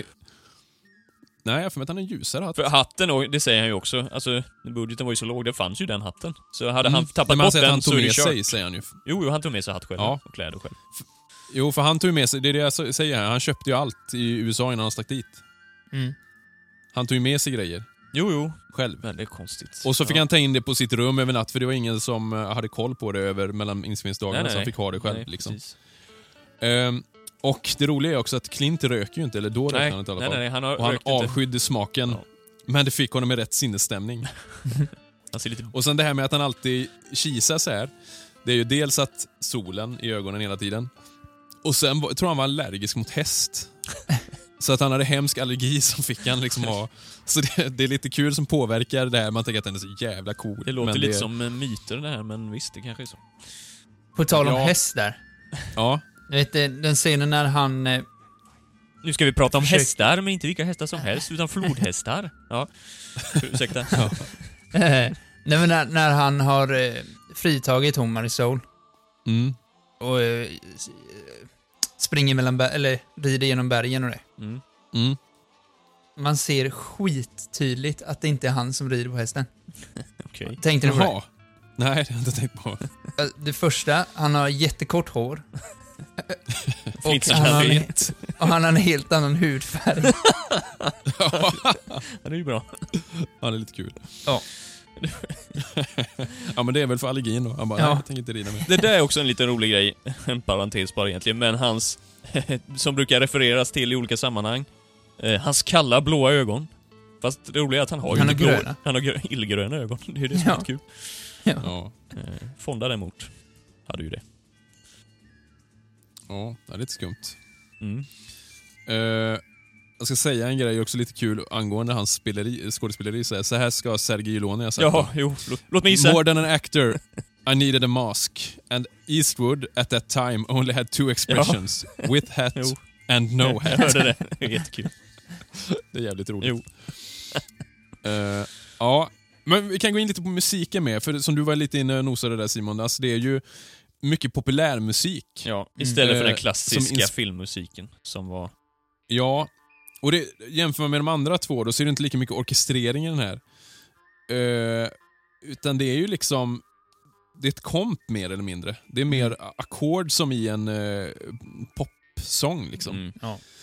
Men den är väldigt stilbildande för det som blir förknippat med västernmusik. Alltså in, innan kanske man har mer eh, Copland, alltså klassisk musik, eller Bernstein. Jo, alltså Eller liksom... nu när du eh, ser referenser till västern så kan jag vara, jag bara tänka på något sånt här tecknat. Vad heter de här tecknade... eh, Vad heter de här tjocka figurerna som ni kollar på? Snuskiga grejerna. Family Guy. Ja, typ dem. Ibland är det väl såhär... Alltså, nej men så fort det är någon västernreferens Ja, så har ja. vi såna det- grejer. Det är ju, det är ju inte Ja. bara, det är ju överallt. Jo, jo, men, Alltså, jo, men jag var bara ett exempel. bild. Jo, jag menar Ja, det. jo. Så fort du slänger Ja, in en ja, men sån visst. populär kulturell referens till västern numera, om det ska bara vara en sån litet ljud, så är det ju alltid Ja. Det är inte... Språk. Antingen ett munspel som... Nej men antingen ett munspel som bändar, eller... Mm. Och ofta med en klocka. Och det är ju det här jag tänkte, alltså det han gör här, klockor, såna här stora klockor, alltså bells eller chimes av något slag. Mm. Det har man ju inte använt alls på samma sätt. Det här liksom ödesmättade, när det är en duell, en ödesstad. Mm. Eh, så han sätter ju... Eh, eh, han sätter ju liksom ett, ett fokus här som inte funnits innan. Eh, och även kanske lite mer fokus på det spansk-mexikanska. Via Ja, trumpeten. Den får också... Ja, det har ju är funnits. Men just det nasala och det i fokus, det har inte funnits innan på samma sätt. Nej. Det som också är speciellt här då, det som i sin tur bidrar till att de här filmerna blir så speciella, det här med jäkligt långa utdragna scener. Det är för att ganska mycket av musiken skrevs innan filmen spelades in. Och Det är ju inte särskilt vanligt, utan det är ju nästan alltid tvärtom. Jo. Eh, och Leone gillade musiken så mycket så han förlängde scener så att musiken skulle få klinga ut. Jaha. Det är det som är att många scener är, det är ju inte bara för att han vill, tycker det är ballt, utan det, det har ju till störst del med musiken att göra. Fast det blir väl det sen, misstänker jag, när det blir en stil av det. Så, för sen Ja. blir det ju extremt. Jag menar, går du till fjärde filmen så är det ju riktigt långa, Jo. utdragna scener. Jag tänker Jo. duellen trean, men det var just det jag läste om. Alltså Den gode och den onde. Där är det ju också skitlångt. Mm, mm. Men det är ju för att han tyckte musiken var så jävla... Eh, liksom, nej jag kan inte bryta. Det här, det här måste vi ha liksom. Mm. Mm. Och det är ju ganska kul. Det är ganska sällan att musiken får ta den platsen. Och Mericon, han verkar ju vara, han verkar vara ett riktigt praktsvin. Om jag, jag har läst flera intervjuer med honom nu. Dryg, drygt gubbas. Alltså lite så. Väldigt otrevlig mot... Ja, men han är vä- väldigt otrevlig mot typ alla eh, reportrar. Han, är ex, han har extremt hård ton hela tiden. Bara ifrågasätter varenda fråga han får. Bara, Vadå? Oj, jag, Eh. konstigt. jag har sett intervjuer med honom, han inte alls är sån. Men det är ju senare intervjuer kanske. Det här är från... Ja, det här är bara skrift. Det här är bara skrift Jaha, i och för sig, ja, som jag har läst. ja. Han, bara, eh, han får frågan till exempel ehm, om, om han fick någon cue eller liksom några eh, tips av Sergio Leone vad han skulle tänka på hur de samarbetar. Han bara “Vadå? Det är jag som skriver musiken. Jag bestämmer. Jag lyssnar inte på regissörerna eller liksom... Det, det, det är jag som gör det till slut. Ja men vänta lite nu, förlåt. Eh. är det Morricone vi pratar om nu? Ja. Oj, jag har tänkt Leone hela tiden. Att det var han vi tänkte Ja, på. ja, nej, nej, Ja, ja, ja. Det är en Nej, helt nej, annan nej. grej. Då har jag ingen aning. Nej, Leone verkar ju... Nej, för fan. Leone Ja, däremot, ja, ja. Han, han bad om att få... Det var någon musik från någon annan westernfilm som han ville ha under en sekvens i För en handfull dollar. Jag tror det är när Clint skjuter dem eh, första där. Mm. Leone Eh. och Morricone. Ja, lätt att blanda ihop. Mm. Mm. Jo, och då ville Leone ha en gammal låt. Eller inspirerat av och Morricone, Morricone bara nej, nej, nej, nej, nej. Absolut inte, då slutar jag. Utan jag ska skriva eget. Eh, lite, lite klurig så liksom. Mm. Eh, vet verkligen vad han vill, men... Så det, känns som att Leone hade väldigt respekt för honom. De gick ju skola tillsammans, vet jag. Ja, okej. Eh, faktiskt. Ja. Ja. Nej, men, och det här kommer vi komma tillbaka. Vi kommer göra ett musikavsnitt lite längre fram. Och Då kommer vi komma in lite på det här med, för...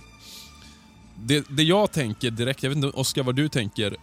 När du tänker på, om vi tänker rent harmoniskt, alltså ackordsmässigt i eh, spagettivästern-filmerna, speciellt de här Leone-filmerna. Mm. Om du jämför det med Magnificent Seven och så vidare i tonalitet, alltså dur eller moll. Mm. Vad tänker du på när du tänker på typ Magnificent Seven, eh, Silverado och så vidare? Dur. Och vad tänker du när du tänker... Moll. Vilken ledande fråga. Ja. Det är ju extremt tydligt så. Jo men det är ju så, de här tre filmerna, de har ju liksom teman i moll. Mm. Eh, och egentligen någon form av nästan melodisk moll, alltså att man höjer sjätte steget för att få ett durackord på ett ställe som egentligen inte finns tonalt. Fy vad teoretiskt nördigt. Men, ehm, Mm. ja. Ja. Eh, vad, ja, men vad tycker vi om eh, filmen nu då? Ska vi gå till betyg menar du nu? Ja, lite kort. Alltså om vi Eller- börjar eh, yngst är bäst. Om du, lite kort vad du tycker om den och betyg. Ehm, jag menar, jag har ju sagt det här nu i nio avsnitt, vad jag tycker om den här filmen. Ehm, Vänta lite, jag förutspår eh, en femma. ja... Ehm, ja, just nu så ligger det där. Men ehm, det, det var inte lika så den här gången som jag det nu. Nej. Jag, vet inte, jag tror jag föredrar de andra bättre lite nu. Mm. Men eh, Mer jag än tycker... denna menar du? Ja. Bo- Eh, men jag två, tycker fortfarande den här är riktigt bra. Mm. Ehm, men just för att Clint är så cool. Om, du- om du ska säga något som du tycker är dåligt med den. Ja, men det, det är ju det här... eh, Dels dubbningen. Mm. ehm, och sen... Hur fan ska jag förklara det här i... Mm, När de blir skjutna. Mm. Det där. Överskådespeleri. Ja, exakt. Det är väl lite så här. Men det, det är väl ganska typiskt spagettivästen. Ja, många av de eh, italienska skådisarna överreagerar ju ganska mycket alltså. Jo. Känner jag. En helt annan typ av skådespeleri. Där kan man säga också i och för sig att det finns ett skäl till det. Det är att Leone anställde ju oftare skådespelare efter hur de såg ut än hur de kunde jo, agera. precis. Ja. Väldigt För speciella att han ville säga utseenden. att, ser det här bra ut i bild? Jo, Mm. Ja, det här, till exempel som du pratade om i tvåan där, när det är dvärgen och hon... ja. Mycket Eh, hon- unika eh, utseenden. Ja, jo. Väldigt speciella utseenden. Ja. Många sådana. Mm. Vad sa du, vad landar den på för betyg? En femma. Vänta nu, jag förutspår Och- nästa betyg. 4,5. Nja, eh, nej jag kommer till det. Eh, Okej. Jag tycker ju att eh, av de här tre så skulle jag nog placera den här som nummer två ändå. Delvis i alla fall. För jag gillar intrigen i den här, samma sak som, som Yojimbo. Jag tycker det här är en skitbra intrig. Just det här att den ensamme mannen utan namn, fast det här heter han ju Joe i och för sig, så det är ju inte mannen utan namn just i den här. Men säger de det i filmen? Eh, ja, De säger Joe. Ja, det var det jag tänkte Ja. också. Fast är, är det då, det är inte John Doe Nej. eller något sånt där? Fast det fanns väl inte då i och för sig? han är ju inte död. Nej, nej, nej, men... Nej. Nej, nej. Och det är ju dessutom John, det är ju inte Joe. Ja, jo, det är sant. John Joe. Joe Doe. Nej, det står, nej, det står i manuset också. Ja. Om du kollar den. Eh, ja, men i alla fall. Och, och just eh, Clint i den här med. Här är han ju mer, mer av en hjälte på något sätt. Än i... Han blir mindre och mindre hjälte egentligen. Ja, men han börjar ju som den typiska antihjälten. Det enda är ju sen när han... eh, Han ser väl ungen, va? Det är väl någonstans Räddar där. dem. Jo. Jo, jo, men det är när han ser Ja. ungen gråta. Med sin fina dubbade visst. gråtröst. Mm. Helt underbart. Jo. Men... Eh, Ja. Men sen är det, alltså introduktionen av honom och allting jag, jag tycker den är väldigt bra. Sen kan jag hålla med om det här med dubbningen, det är lite, lite sådär. Sen musikmässigt är ju det här kanske den svagaste filmen då. Eh, Jo. Och, och det säger ju, det säger ju Morricone med, han säger att det här är det sämsta han har skrivit någonsin tycker han. Ja. Ehm, det kan jag ju kanske inte hålla med om. Huvudtemat tycker jag är har inte bra. han gjort, men I alla fall. Ja. Och det är ju det, det, det, ska man ha med sig också, vissling. Det är ju det som gör det här. Eh, överlag i de här. Och piskor och allt sånt, det är väldigt speciellt. Nej men, eh, jag, jag tycker den är riktigt, riktigt bra. Det är absolut en av mina favoritvästern. Erika såg den nu också för första gången, alltså min fru, när vi kollade igenom. Och hon tyckte också den var svinbra. Mm. Det är någonting när man hör det här, även om jag säger att jag inte är spagettivästern i grund och botten, Nej, det är det som är lite kul. så gillar jag ju... Men Jo, fast det är ju Leone. Det, det är ju en avart av spagettivästern. Att säga spagettivästern bara är ju liksom så extremt förenklande. Ja, det är det. Absolut. jag menar, då har du Jo. Trinity, du har Jo, ju. Django och så vidare. Ja, det håller en helt annan Eh. klass. Ja, men som sagt, jag tycker inte den första filmen håller samma nivå som de andra. Han utvecklar ju sin visuella stil jättemycket i Ja, nästa film. absolut. Eh, Jo, men ju- just, just, just filmtekniskt och liksom allt kring det är ju absolut bättre än de andra. Men jag, intrigmässigt tycker jag nästan det här är den bästa. Eh, sen film, hur den gjordes som en film, Mm.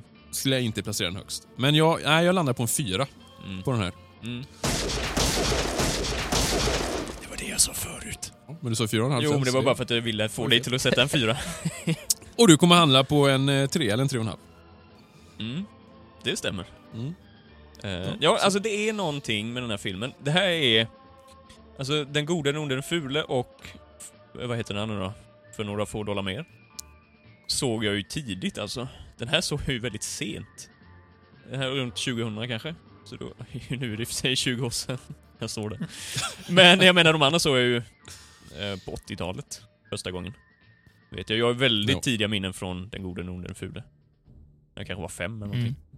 Mm. Eh, Så den har ju en särskild plats, känner jag alltid, eh, hos mig, den filmen. Mm. Mm. Och visst, alltså jag, då har jag ju sett Yojimbo det innan också, innan jag såg den här egentligen. Och Last Man Standing med för den delen. Eh, Mm. Så det var ju inget unikt så, själva stilmässigt, eller vad heter det, intrigmässigt var det ju. Sen behöver ju inte det betyda någonting, alltså det som sagt, som vi varit inne på och pratat om. Är intrigen bra så spelar ju inte det någon roll egentligen. Och visst, det, det är väl styrkan med den här filmen, är ju det framför allt. Och sen, ja, sen är det ju hans visuella stil som kommer fram redan här. Eh, Mm. Som förhöjer den som film ändå. Även om det är mycket, mycket lägre nivå än nästa film och nästnästa film. Tycker jag. Eh, Mm. Så nej, det blir nog en trea ja. Ja, spännande. Mm. Eh, nästa gång vi har, det blir alltså inte nästa avsnitt, för då har vi ju Riverdale del 2. Mm. Men i avsnittet efter det då, så kommer det en filmrecension på eh, For a few dollars more, helt enkelt. Ja. Och nu vidare till eh, High Chaparral-inslaget med våra gäster.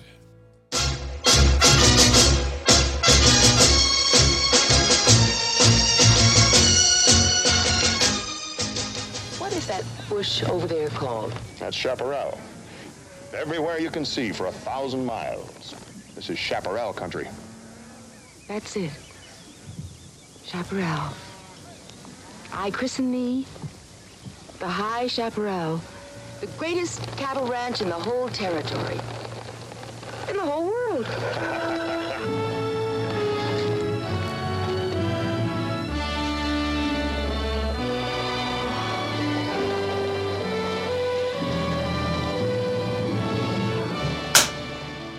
Ja, eh, då sitter vi här. Eh, vad har vi för datum idag? Det är den eh, 22 maj. Och eh, vad är vi för någonstans, Simon? Frågar du mig? Ja, jag frågar Jag har. GPSen på i och för sig. Ja. eh, High Chaparrals camping Ja, sitter vi på. Vagnsborgen.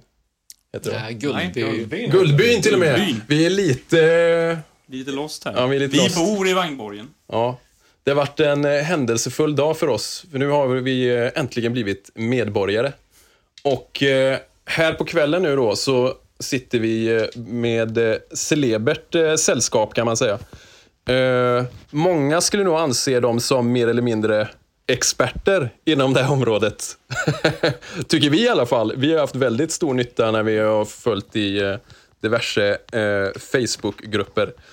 Och det vi ska prata om här just nu handlar ju om eh, kläder och karaktärer, eh, lite grann outfits överlag när det gäller vilda västern. Eh, och de vi har här med oss är Andreas Jonasson, Björn Lund och Morgan Asp. Eh, Hjärtligt välkomna tänkte jag säga, men vi är ju hos er. Ja, tack så mycket. I alla fall. Tack och välkomna. Ja, ja. ja hos er, alltså det är inte vår, vår stuga.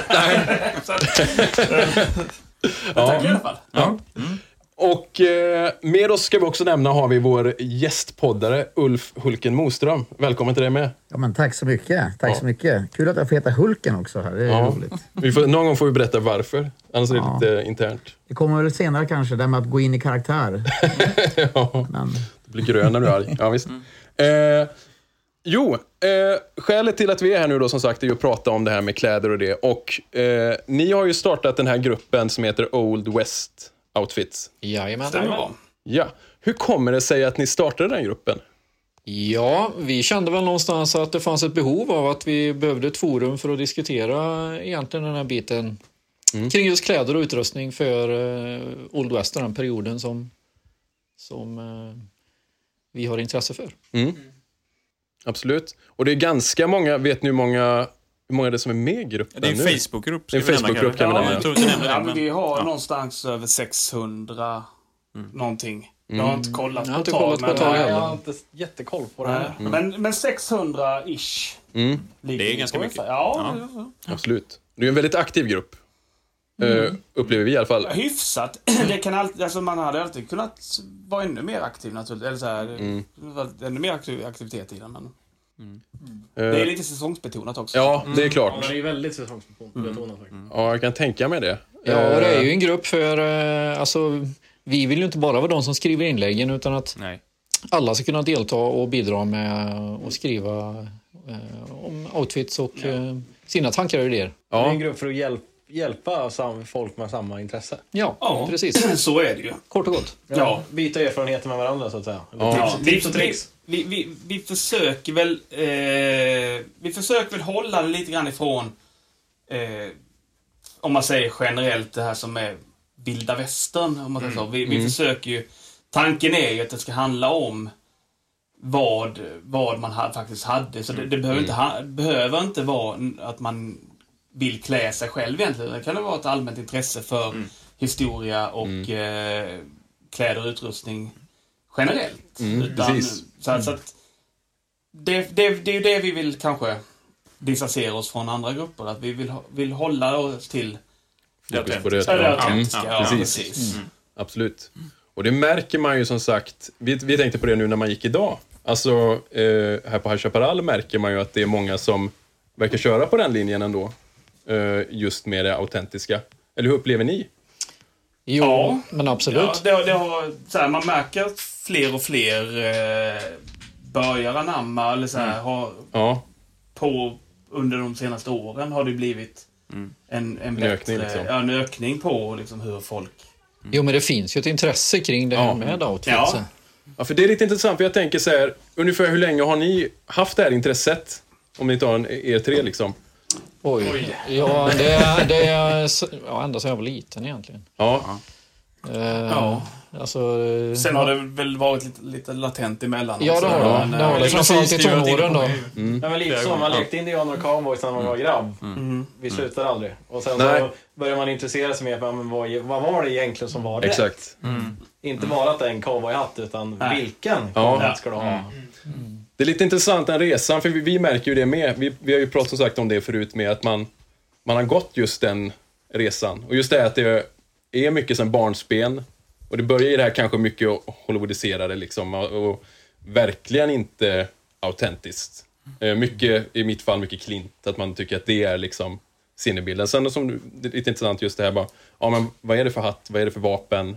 Eh, kan man sätta ett finger på när, om vi tänker som på High Chaparral här, när det, det började svänga? För jag inbillar mig, jag, när jag minns själv när man var liten här, Ja, det var mycket jeans och rutiga Ja, jag, skjortor. jag skulle nog och- säga att när, när man la ner Västernklubben och skapade Medborgare, för Ja. att då Mm. kom det ju ett eh, klädkrav med i den biten. Ja, just det. mm, precis. Och det har ju gjort eh, att det har blivit, och att Chap- äh, Chaparral själva Mm. har ju också börjat jobba lite Ja. mer med att Precis. nu ska vi inte bara vara Nej. en eh, generell vilda västern-park i den Mm. bemärkelsen, utan man har ju satt ett man har ju satt ett årtal, det här att 76, Ja, ja. till 76 Mm. ska Mm. vi Ja. ungefär befinna oss i. Sen, så, sen är det ju naturligtvis lite flytande Ja. för att det är helt okej att komma Som trapper. som och- trapper ja, och det är ja. helt okej att klä sig lite 1890, Ja. alltså åt det hållet. Men sedan har vi den biten också att eh, nu för tiden så är det betydligt lättare att få tag i utrustning och Ja, kläder ja, ja, ja. för det här Ja, intresset än vad det var förr. Vi har internet. Vi har internet, det är en väldigt stor hjälp. Man kan beställa mycket lättare från utlandet och så vidare. Lätt att söka kunskap. Lättare att söka, Ja. Ja. kunskap, ja, absolut. Eh, Och lättare att hålla kontakten med folk. Ja, Mm. framförallt den biten också. Ja, via då West Out. Ja, Ja, till exempel. precis. Till exempel, ja. Och de möjligheterna hade man kanske inte lika bra förr. Det fanns böcker att titta i och de här bitarna då. Och, eh, det var väl det man Ja. kunde vända sig till. Sen- sen så måste- fortfarande mycket i böcker också. Ja, ja, naturligtvis. Men man ska ju också tillägga att det här är ju en, en tidsepok som är väldigt, väldigt präglad av Hollywood och myter. Ja. eh, Och, och, och hela den biten, alltså det, det har ju satt sina spår. Mm, absolut. Visst är det så. Ofta är det ju det som väcker intresset från början på något sätt. Ja, Alltså, såklart. som grund, innan man kommer in i detta kanske. På något sätt. Ja, det, det, självklart är det så. Och, och mina filmer eh, ska man ju aldrig förringa. Så Nej. västernfilmer är ändå kul. Ja, det är ju så.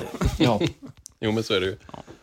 Ehm, om vi tänker lite, vi har ju pratat lite löst om det här ett tag, just om det här momentet ju. Att vi, Ja, skulle, vi, har ju, vi har ju önskat, vi har varit på Morgan om lite, att vi, nej, men vi, vi, vi, tycker, vi har ju fått så mycket när vi har läst i bland annat den här gruppen då. Ehm, så vi, vi tycker det skulle vara superkul att ha med eh, liknande inslag i programmet. Så vi har ju sagt att vi kanske kan göra några olika och att man fokuserar kanske på lite olika saker. Ehm, och ni hade en liten plan på vad vi skulle gå in på idag, eller hur? Ja, vi har tagit Ja. fram en liten lista med några punkter här som vi tyckte... Vi har, vi har ju tänkt oss att eh, det här avsnittet ska handla lite grann om just det här hur man bygger en karaktär till exempel. Alltså, Vad som man tänka på lite grann. ja. Mm. Och ja, vi har gjort några punkter. Så vi kan väl börja med första. Mm. Första punkten vi har satt är ju att man bestämmer vem, vart och när. För bara det kan ju innebära en Väldigt stora, ja. variationer i sina kreationer. Ja. Ja, vi har förstått det. Ja, och, och lite grann vad vi menar då. Vem, vem är man? Vad, vad, är, vad är man för yrke? Mm. Är man en nybyggare? Är man eh, En lagman. lagman? Eller- Är man en cowboy? Mm. Och var är man i rent geografiskt land? För det kan ju skilja väldigt mycket Mm, på mm. kläder. Så här, Är man i norra delarna eller är man i södra? Är man österut om man vill vara... Alltså det, Mm. Man kan ju fortfarande vara en New York, Boston, även om Ja, inte i det är eran, Old liksom. West Ja. eh, Mm. på Nej, det sättet. Så. Och sen Också- framförallt ja. när. Ja. Mm. För bara när är ett stort spann i vad du kan använda egentligen. Då. Jag menar, Mm. tittar du på, på storhetstiden för eh, en cowboy till exempel 1860 då, till 1885 så har du ju ändå eh, stora variationer bara i kläderna där. Mm. Eller kläder i generellt. Ja, precis. Men det som är lite kul, jag tänkte det just när vi sa New York där.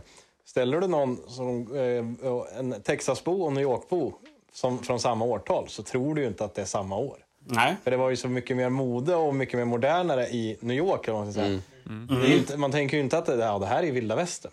Nej. Och sen är det naturligtvis jättemycket det här med, om man säger immigranter, var de hamnade. New York, Boston hade ju väldigt mycket Mm. ir irländska, skotska. Ja. Texas hade ju mycket tyskar, eh, tjecker och så vidare. Så att det kan ju också naturligtvis påverka Ja. i, Ja, de tog med sig lite hemifrån också. De tog med sig jättemycket Ja, men det hemifrån var ju en stor mix av variationer Ja. som kommer från olika länder. Helt Ja. klart. Mm.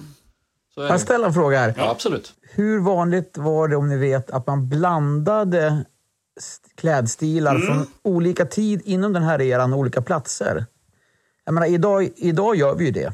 Ja. Vi kan ju plocka på oss klädesplagg från 80-talet och blanda med en modern. Och vi kan plocka på något mode från USA eller något från Japan. Nu kommer de att etablera Ja. en ny kedja här.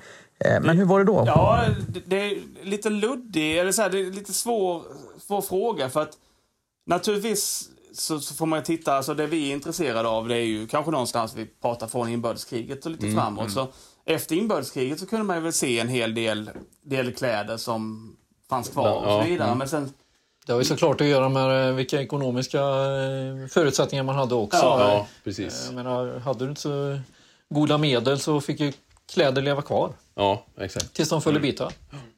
Ja, alltså passformen som vi har på till exempel bara ett par byxor idag. De har ju visat att vi tycker de sitter snyggt. Mm. Men det var väl kanske mer att de var lite för tajta då eller framförallt för Mm. stora också. Det Mm. såg väldigt säckigt ut. Vi brukar säga det emellanåt här att kläderna behöver ju inte sitta, alltså Old West-kläderna behöver ju inte sitta helt perfekt. Nej. Eh, Nej. alltså, eh, beroende på vad man nu är för karaktär då. Mm. Det kan vara lite för stor skjorta, det kan vara lite liksom... det kom ju lite mer, det kom ju lite mer mot slutet av 1800-talet så blev det lite mer... Passform. Ja, det är ju rent generellt. Ja, alltså, rent generellt. Sen behöver inte det vara en... Nej.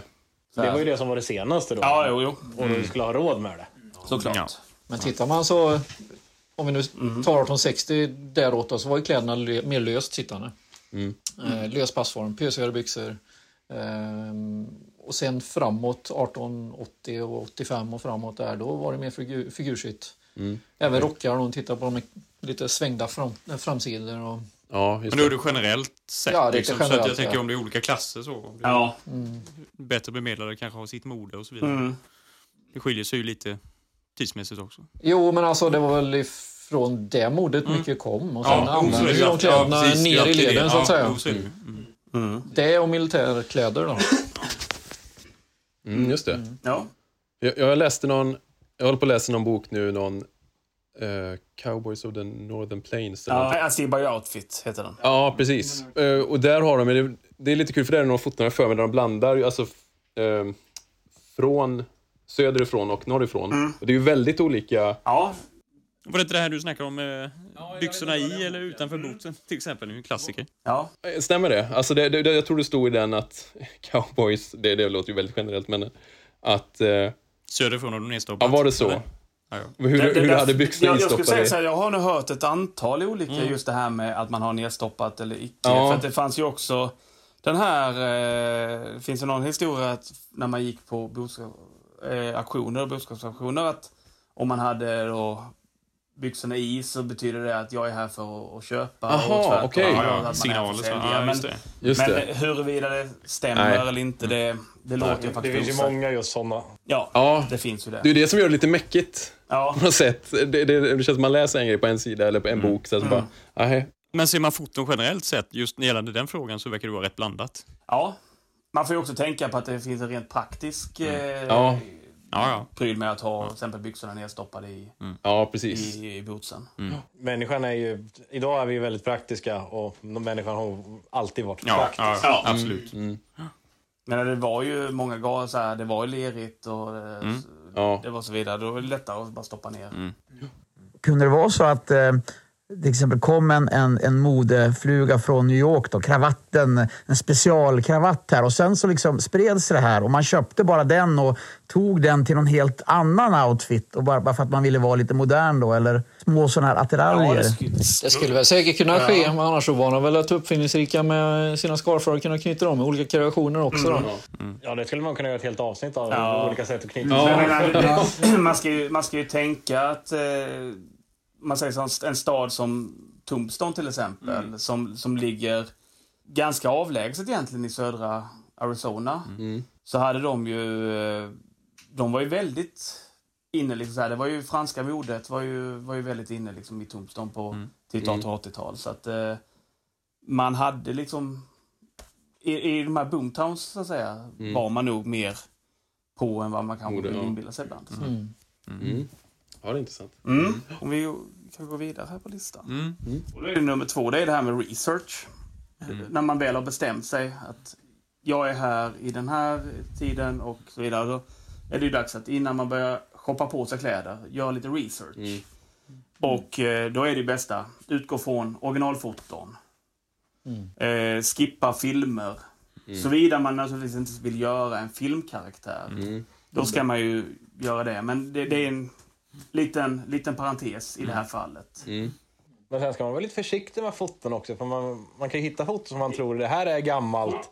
Och, men då kan det ju mer vara att ja, det här är taget i en studio. Ja, och det är uppklädd och 1920. ja, rekvisita till och med, sådana grejer. Det är inte Precis. alltid jättelätt naturligtvis med, med foton. Det är Många foton är ju inte daterade heller, så då, får man verkligen granska dem för att se hur... Studiofoto är en sak, men det finns ju även alltså, realistiska foto ute i fält, så att säga. Då. Ja. Sådana grejer, och det är en helt annan grej. Ja, jag, jag tänkte på den vi såg med... Ja, men det var inte de soldaterna som... Ja, men det är, någon, det är något rån, va? Och så är det ju en med någon Duster. Just nu vet det. jag inte om den är äkta, men det verkar det som det. det, det jag tror det är enda fotot på ett pågående rån. Har ni sett det? Uh, jag kommer inte ihåg när det var. Är det våran grupp eller? Ja. Jag vet Ja, vilket den foto du menar, du skickar ju den Ja, bilden nu. Den här har jag faktiskt missat. Ja, det är inget att känna igen på sen, arm. sen exakt var det kommer ifrån då. Var Här, uppgiften va? kommer ifrån, det, eller historiken bakom där vet jag Mm, inte. nej, Men det, jag det, vet det, det du ska ha varit... Den Om jag fattar... Ja, precis. Ja, just det. Men ser killen där bak. Ser ju lite stageat men Jo, ja. men det skulle... Mm. Ja, det, precis. Fotograf Det är svårt att säga. Svårt att säga. ja. Ja. Det, är- alltså det, det, just det här ser vi ju väldigt typiskt. Det här eh, Billy the Kid är ju en sån här riktig... Just nu, alltså det, det är ju i alla, alla grupper eller alla... Så, så är det ju jättemycket diskussion gällande Kid till exempel. Ja. För att det finns ju, ni, ni känner ju till den här krocketbilden som det menas att... Alltså, det, Du menar... När han står och spelar krocket. Ja. Den kom för... Ja, det var fem år sedan också. Jaha. Ja, det är väl två, tre år sedan. Alltså kanske. nyhittad eller vadå? Ja, den- Misstänker ja, ja, ja, ja, ja, ja. Mm. Ja, den Och har det- jag missat faktiskt. Och den har ju blivit värderad till en jättemassa pengar om ifall att... Men det är ju ingen som har fakti- faktiskt... Hade inte bekant som totalt sågade den? Bara, Nej, det Nej, är jo. absolut inte han. han. Ja, det, det, jo, det, har, det finns en... Okej. eh, Ja, det finns väl lika många som är skeptiska mot den som det är de som tror på den. Ja. Har ni, på tal om det, har ni sett den här nya dockbilden? Ja, hade, visst, ja, jag- vad, jag har sett tror, den. vad tror Ja. ni om den? Alltså jag tycker Morgan, som ska vara Morgan, är rätt lik ändå alltså. Och Ja, även hon, Kate. Jättesvårt att säga. Den Det- är lurig den. jättesvårt. Det finns ju någon kille i USA som, eh, han har ju han har gjort det till en grej att han, eh, han åker runt på olika loppmarknader och Ja. letar upp bilder som han menar på. Och sen så har han någon, någon, eh, någon kvinna som har jobbat för FBI. Och, Okej. och, Som så här, som, som menar på att hon har suttit och granskat alla de bilderna och de är äkta. Och, Jaha. så, här, så, att, så att han har ju... Han Men jag tror lägger- det här är väl någon sån här ansiktsinkänning... De Ja. har Ja, men det är väl det, är ju så. Ja, Och sen kom det ju upp någon annan bild på honom ganska nyligen när han sitter och frågan om han är död eller någonting, när han sitter sjuk. Ja, men, men den, den, ja, den, har, jag- den har man sett Ja, många gånger. ja, så här. Ja. Men, men generellt så kan man, man kan ju titta någorlunda på Ja. ungefär är det 1870, 1880. Alltså så här, Ja, att man, man ser någorlunda på Ungefär lite, bilder ja, precis. om det är ungefär från tiden. Det finns ju ändå en hel del som är daterade. Mm, mm. Det är ju svårare när det är en faktisk person. Det är Ja, där ja, det, ja, ja, det visst. kluriga kommer. Ja, men en, ja. en generell bild på en, på en stadsbo till Ja, exempel från 1880-talet. Där finns det ju en del Mm. så här, man kan gå på. Som, så här, men, men det är ju det som kanske är det viktiga, att man Mm. li- gör sin research. Eh, tittar på bilder, läser lite böcker, kanske snackar med andra som Ja, är... det finns ju bra bokfakta eh, Ja. att få Ja. tag på det och läsa lite grann vad säger Alle. Men... Har ni någon speciell plattform jag funderar på som ni brukar vända er till när ni ska kolla efter eh, autentiska foton just?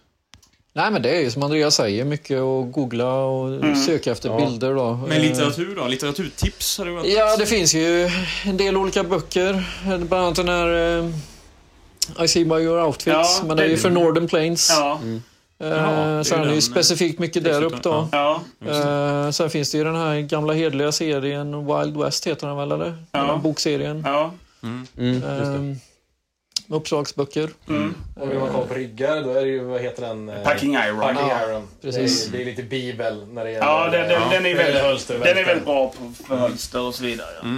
Med många bilder i många böcker och så vidare. De är ju Ja. samma eh, Ja. i många Sen finns det mycket, finns det mycket så här dagböcker som är skrivna där de mer Mm. beskriver vad de har på sig och så vidare. Så att man... Det, det är kanske svårt att säga att köp den här boken så hittar du allting. Utan man, Nej. man, Nej, får, nej, man får plocka ja. lite här, Ja, är lite där. Bygga på, ja, Det är precis. samma sak med, med böcker om sporrar och, ja, och Jag, så br- vidare. jag brukar kolla mycket, jag, jag har min lilla kontakt på True West, eh, Marshall Timble va? Är det en kille, han skriver ganska mycket. Han brukar jag ju mejla till. Och han verkar ju ha väldigt god koll ändå. Om mycket i alla fall. Eh, sen vet man ju inte. Men eh, vad tycker ni om, om det magasinet överhuvudtaget? Jo, men det... Ja, men jag, gillar ja, det. ja. Det är ju Korta, bra. De har kärnfulla väldigt bra Ja, research. ja. Ja, för det är det Han är väl ganska bra han, eh, vet Bob han. Boos. Bob Boos Ja, just det. Ja. De verkar ju ha många kontakter menar jag. Jag, jag Ja. vet, Gary Roberts till exempel, han har ju varit med liksom på många grejer där vet Det jag. var väl en tidning som fanns så här långt före internet också. Ja, så att, det, så här, det, det brukar ju samla Ja, exakt. en del så här. Precis. Mm.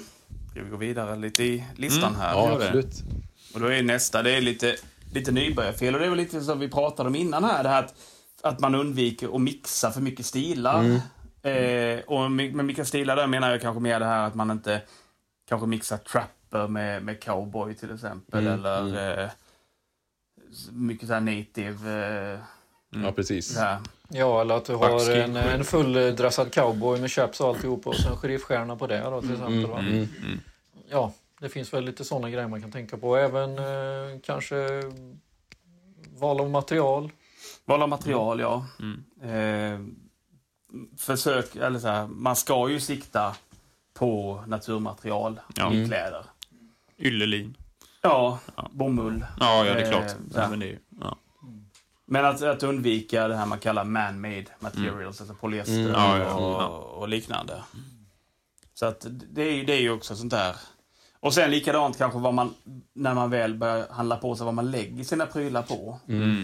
Eh, vi kan väl tycka personligen så här att bra grejer att lägga pengar på det är ju par bra boots, en, en vettig hatt till exempel. Eller istället för att kanske första man gör är att springa och köpa En dyr rigg och en... en revolver till exempel. Mm, mm. Så här. Man, man, det är ju också en sån grej. Va? Det är också så här Hollywood-pryl det här att man sprang omkring med massa, massa vapen till exempel. mm, De flesta, var man en enkel nybyggare till exempel så hade man kanske en hagelbössa Mm, på sin höjd. Ja.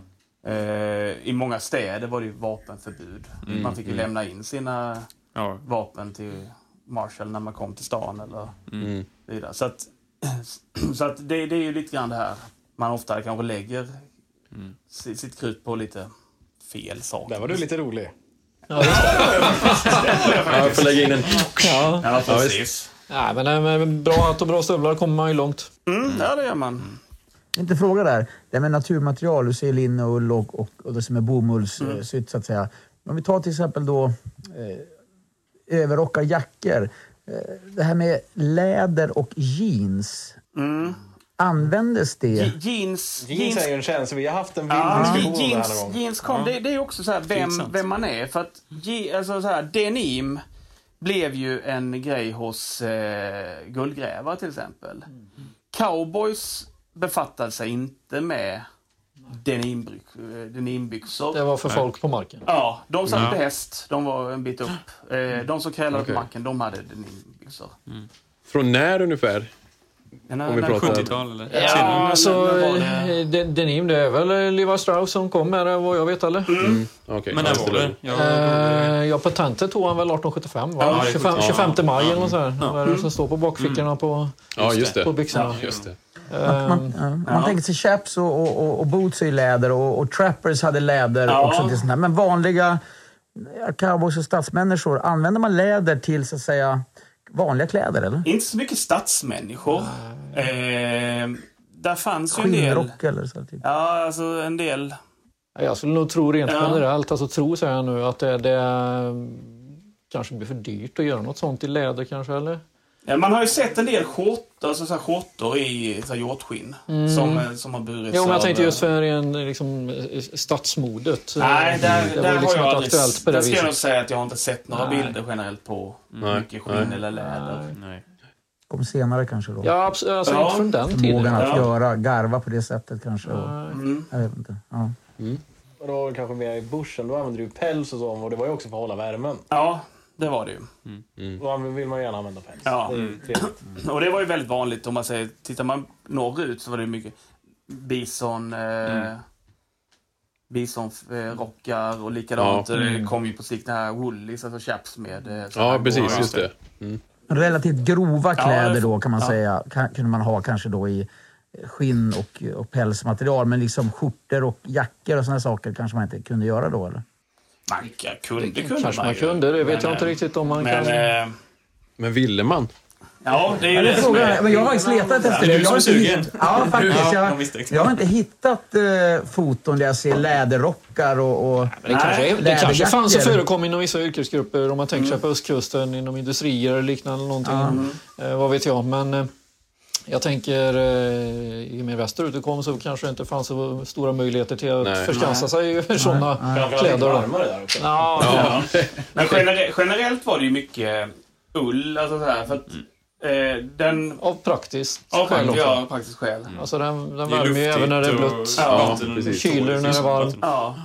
Och eh, tittar man om säger, generellt på den vanliga eh, vanliga alltså, så här standardmedborgaren så var ju den så kallade sackcoaten, eller sacksuiten var ju väldigt, väldigt, det var ju lite den tidens blå jeans kan man nästan Ja, säga. Så mm. att det, var, det var det man hade. Ja, vardagsjacka. Ja, vardagsjacka och ett par, alltså man hade ju ullbyxor. Mm.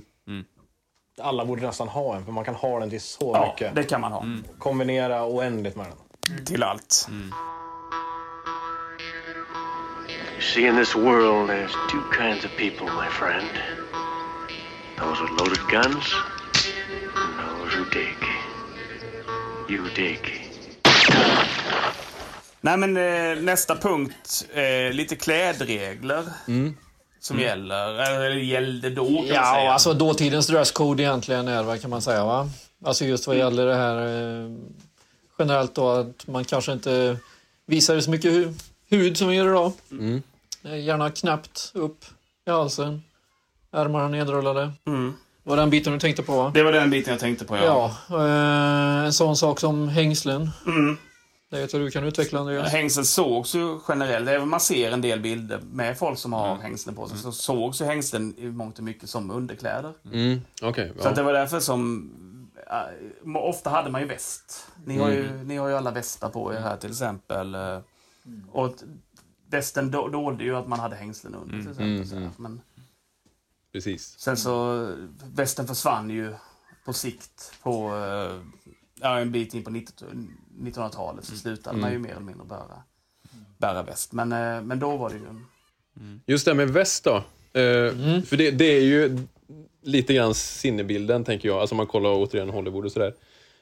Hur vanligt var det, tänker jag? Eh, om vi tar som att vara cowpuncher eller någonting. Liksom. Eh, var det vä- väldigt vanligt Det förekommande? var Hade ju det, liksom? arbetsvästen. Ja. Ja. Alltså den var ju ett funktionsplagg va? Ja, exakt. Det skulle han ju värma. Mm. Eh, Men sen var det ju alltså fickorna då. Fickorna, ja. ja Ja, fickorna. precis. Gärna, gärna fyra fickor då så Ja. du kunde Ja, så här, ha va? munspelet. Mm. Du kunde Ja. ha din tobak. Du kunde ha anteckningsblock. Ja, Eh, precis. Anteckningsblocken, Ja. penna. Eh, och eh, liksom de nödvändigaste grejerna du behövde när du satt Ja, i det. sadeln egentligen. För då kunde du inte nå ner bra i fickorna. Nej, nej exakt. Nej. Så de är ja, arbetsvästar. Det är en arbetsväst, ja. Ja, det var lättåtkomligt i... Jätte- ja, även ifall ja. du stod på marken eller satt på hästen. Precis. Och så kunde man ju då antingen, det, det finns ju bilder, det finns jättemycket bilder, både där man har den oknäppt, Mm. eller att man har Precis. den... Det fanns ju den här lite snygga att man kunde knäppa översta knappen bara. Mm. Ja. Just det. Eller att man kunde då, om det blev lite kallt, så kunde man dra åt den. Mm. Och gärna, gärna då just för en cowboy att den kanske var i eh, tjockare material med, med antingen samma material både fram och baksida eller åtminstone lite grövre material på Mm. baksidan. Jag tänker, och sen, jag kommer inte ihåg om det var du som pratade om det, senast, men det här med formen på västen. Det här med som den här till exempel, jag tänker att det här kanske egentligen inte passar, att det är spetsigt ner. Ja, wing, wingtipsen ner. Ja, i, jag har fått för mig att det ska vara rakt. Ja, Beroende på vilken... Både ja och nej där. Ja, alltså. Cow, en cowboy skulle nog ha en, en ganska... Ja. Ja. Ja. Men, Jag har eh, hört någonstans någon gång att tipparna hade du när du inte hade riggen på dig. Ersatte lite riggen. Aha. Alltså på ett, eh, jag tror fan vi har pratat om det någon gång. Mm. Det, men det är bara en sån här kunde ha varit. Det är inget, Ja, det är jo. inget, det Nej. är inget Men, så- men generellt så ser man ju ofta wingtipsen på eh, lite mer, alltså man är lite mer finklädd. Så. Ja, just det. Mm, du har lite finare här. Ja. Men om man har en som jag nu då, nu har jag ju såna, jag har ju insett att som sagt den här, jag får nog köpa en ny imorgon. Men skulle man stoppat in den då? Egentligen? Nej, Nej. Nej, det ser Nej. inte bra ut. Utan, utanpå. Ja, det blir lite väl. Ja. Framhäva magen ännu. Ja. Ja. Och framförallt om du har hängslen under så blir det svårt att stoppa in. Ja, det, Ja, det, det det, det, det är klart. En fråga som dök upp idag, vi satt och pratade om det Simon här. Om du hade så här bältet, från, från vapenbältet, satte du utanpå västen? Om, om, eller måste du stoppa den under västen? Ja, det var... Nej, man kan ju, generellt satt ju ett revolverbälte väldigt högt på den tiden. Man hade ju högt, alltså det här, det här med lågt hängande, det är ju lite mer Hollywood. Så, så Ja, här. exakt. så att den satt ju ganska högt och då, och byxorna satt ju också Ja. ganska högt. Eller så, så, här, så, att, så att det är egentligen inget fel att du har, du kan, jag har sett Ja, men jag flera tror, alltså, alltså. Ja, men västen den faller väl naturligt egentligen att den ligger, lägger sig utanpå. Alltså, hur, Ja, hur den vill. men man har sett en del när de, de Ja, ja. ligger lite Ja, över västen också. Så så Jag, jag skulle ju själv gärna vilja ha min rigg, revolverrigg sitta högre upp. Mm. Men sen har jag någonting som sitter i vägen där så att det inte riktigt går. Den sitter där den sitter. Men och där när vi ändå kommer in på det tänker jag. Eh, vad har vi dem? De här. Eh, snörena. Till hölstret. Ja. det är, är det en Ja, Ja. Jag inbillar mig att det är en quick draw-grej liksom, eller? Det är det. Är det. Det är bara ja, därför det är liksom. det. Man får ju tänka, eh, tänker man till exempel att man sitter till häst, Ja, så är ju benet böjt Ja, medan revolvern sitter Ja. rakt ner. Och då är det lite jobbigt om den... ja. Jo. Däremot har jag tänkt på det när man sitter på en stol. Då är det ju skitjobbigt när den är rakt ner. Då Ja, vill man ju nästan ha den... Eh, man får välja om man ska ja man får välja vara bekväm. De var väl i sig kanske mest bekväma. Ja, man, man ska ju också tänka, återigen tänka här att man hade ju inte kanske så revolver så Nej, nej, exakt. sig. Det var ju inte Nej. så jättevanligt att du, hade, att du bar den. Nej. En ar- arbetande cowboy hade ju kanske ett mer På- ett sadelhölster. Ja, exakt. revolvern låg i sadelväskorna. Ja. Men pro, prova sätt på den revolverrigg och så går du ut och rensar trädgårdsland i princip. Det är inte så man Nej, nej. att en, en sadelväska var ju oftast 8 gånger 8, 8 tum. Och, ja, Ja. Så att där i får ju sällan en revolver plats. Nej, Men att, Ja. det fanns ju, man hade ju... Eh, det är ju lite samma sak som eh, en sån sak som i filmer att man ser cowboys så att, att de har en bedroll Ja. bakom sig. Men en, en riktig bedroll är ju... Den är stor. Nu, Ja. nu, nu måttar Alltså- jag så här så att... Eh, Och du måttar ungefär cirka Halvmeter. nästan 60 centimeter. ja, de, de är rejäla. Ja, ja. Ja. Så att eh, de låg ju oftast i en, eh, i en vagn för sig. Ja, ja, just det. Så att eh, där kunde man i så fall lägga Ja. en revolver. Ja, det var ju släpkärran med förnödenheter. Ja. Ja. Ja. Ja, Vi- för ju tjock, alltså bedrollen. Du har ju en canvasduk i botten. Sen har du ju kanske ett bisonskinn i bästa fall. Ja. Tjock. Och så Ja. två stycken filtar Ja. som är rätt tjocka. Och sen så kunde du, kunde du ofta Ja, ja. stoppa in lite extra, att du stoppade in lite extra. En madrass med bedding. Ja, ja, det var ju det. Det är lite bantat i Red Dead då. Det är väldigt bantat. Ja. Det är generellt bantat så här. Så att tittar man i filmer så ska de ju ha liksom att man ska ha liksom kokkärl, man ska ha Ja, eh. Ja, ja, ja, visst. två ombyten och eh, ja. Men just det med revolver, i det, nu ska vi se, i det här avsnittet blir det ju, som vi pratade om, Walkern, eller hur? Ja. Ja. Mm. Just Precis. det att den fattas som att man alltid hade. Jo, den var ju tung med i och Ja. för sig. Så jag menar, den gick det väl aldrig att... Nej, den hade man väl aldrig i, i hölster på den Nej, tiden. Så här. nej. Ja, det, det är ju ett Nej, riktigt det, fanns, Ett monster, det, fanns liksom. ju, det fanns ju så här, så här pommel holsters som man kallar det, som man hade att det var sytt i... sadelhornet. i ja, precis. Till just den menar du? Eller? Nej, Ja, generellt, sett. Ja, så, ja, ja, ja. Där kommer Ja. pommel, vad betyder det? För då tänker jag, alltså pommel, vad, vad betyder själva ordet pommel just? Pommel är ju... eh, Är ju Sadelbommen och sadelknoppen. Ja. Jaha, Ja. så pommelslicker. Ja. Det är att du har Det, en är- på... det är ju liksom... Ja, att den är delad också. Mm. För att sitta Ja, Ja, det, ja, ja, ja. Ja, givetvis är Då det det. såklart, Ja. så är det ju. Mm. Det förklarar den där. Ja. Mm. Där kände jag att det var någonting jag behöver inhandla. Ja. Ja. Ja, bakdelen på den är ju delad på ett konstigt sätt. ja, men... Nej, men konstigt. Äh, fram har du också, om du sitter pommelslicken, då har du ju framför dig. Mm. Eller pommel, men bakom är den ju också delad. Ja. Ja, där har någon konstig liten... På ett speciellt sätt. Lite grann. Det var för kameler egentligen. Ja. men det, det förklarar ju saken. Man använder inte häst helt enkelt. Ja. Ja. Ja. Precis. En, en pommelsnicker gick ju inte folk i, i stan till Nej. exempel, utan det är ju en, en, det är ju en väldigt typisk cowboy. Mm, mm, precis. Mm. Ja. Ja, vi har en, Ja, kanske Duster generell, eh, generellt om vi tar upp den biten med. Så Ja. kan, var det ju ingenting man sprang runt med. nej, det var det ju inte. Dustern var ju, som det säger, det, det var ju ett plagg för att skydda mot damm. Mm. Och generellt så var det ju diligensbolagen som hade Dusters. Mm. Man lånade ut när man skulle sitta. I Ja, just det. Ja, Ja, att så man, de fina kläderna inte blev dammiga. precis, precis. Så Ja, att det var därav ju- namnet kan Ja. man ju nästan. Ja, precis. Därav namnet. Vi har en liten sista punkt Mm. här också. Och det är ju egentligen så här att Låt det här, alltid, när man bygger en karaktär, låt det vara en lärande process. Mm. Vi, all, vi alla har börjat någonstans, vi kommer alltid någonstans ifrån och viktigt är ha kul när man Mm. gör det här. Det är ju det, är det som framförallt kanske är det viktigaste. Att man inte känner att det här är bara en massa pekpinnar Mm. och, och tvång. Utan man måste ha kul, men utvecklas. Mm. Utvecklas på ditt sätt. I din takt. I din takt. Ja. Ja, det är ju lärandet som är mycket av den roliga biten Ja, i det. Ja, hela. exakt. Och eh, vi kan ju ta till oss eh, en liten visdom vi fick från Fago idag som sa att, eh, vad sa han? Ju mer du lär dig, ju, mi- ju mindre kan du. Ja, Ja, men så är det ju. Ja, det öppnar ju dörrar till en nytt, Ja. ny kunskap och Ja. man inser sina kunskapsluckor. Ja. Väldigt, Ja. så är det ju. Och som sagt, som sagt igen, det här är en era som är eh, extremt mycket myter. Ja. Och eh, det är ju det som är, är väldigt präglat. Så att. Myter och, och i många fall Hollywood har förstört Ja. mycket också. Ja, Precis. exakt. Men, men, men eh, man ska ju säga det med, för som sagt, vi, det känns som vi säger varenda avsnitt, men vi anser ju oss fortfarande, vi är ju väldigt noviser i det här. Hela poängen med podden är ju just för Att oss vi ska att, lära oss, ja. att lära oss. Ja, själva. Och sen om vi kan också föra vidare, Ja. genom det här till exempel ni pratar om nu, liksom, att man kan föra vidare kunskapen. Och man kommer in på just det ni pratade om, det här med att eh, det blir så jävla mycket roligare när man, när man lär sig just det här.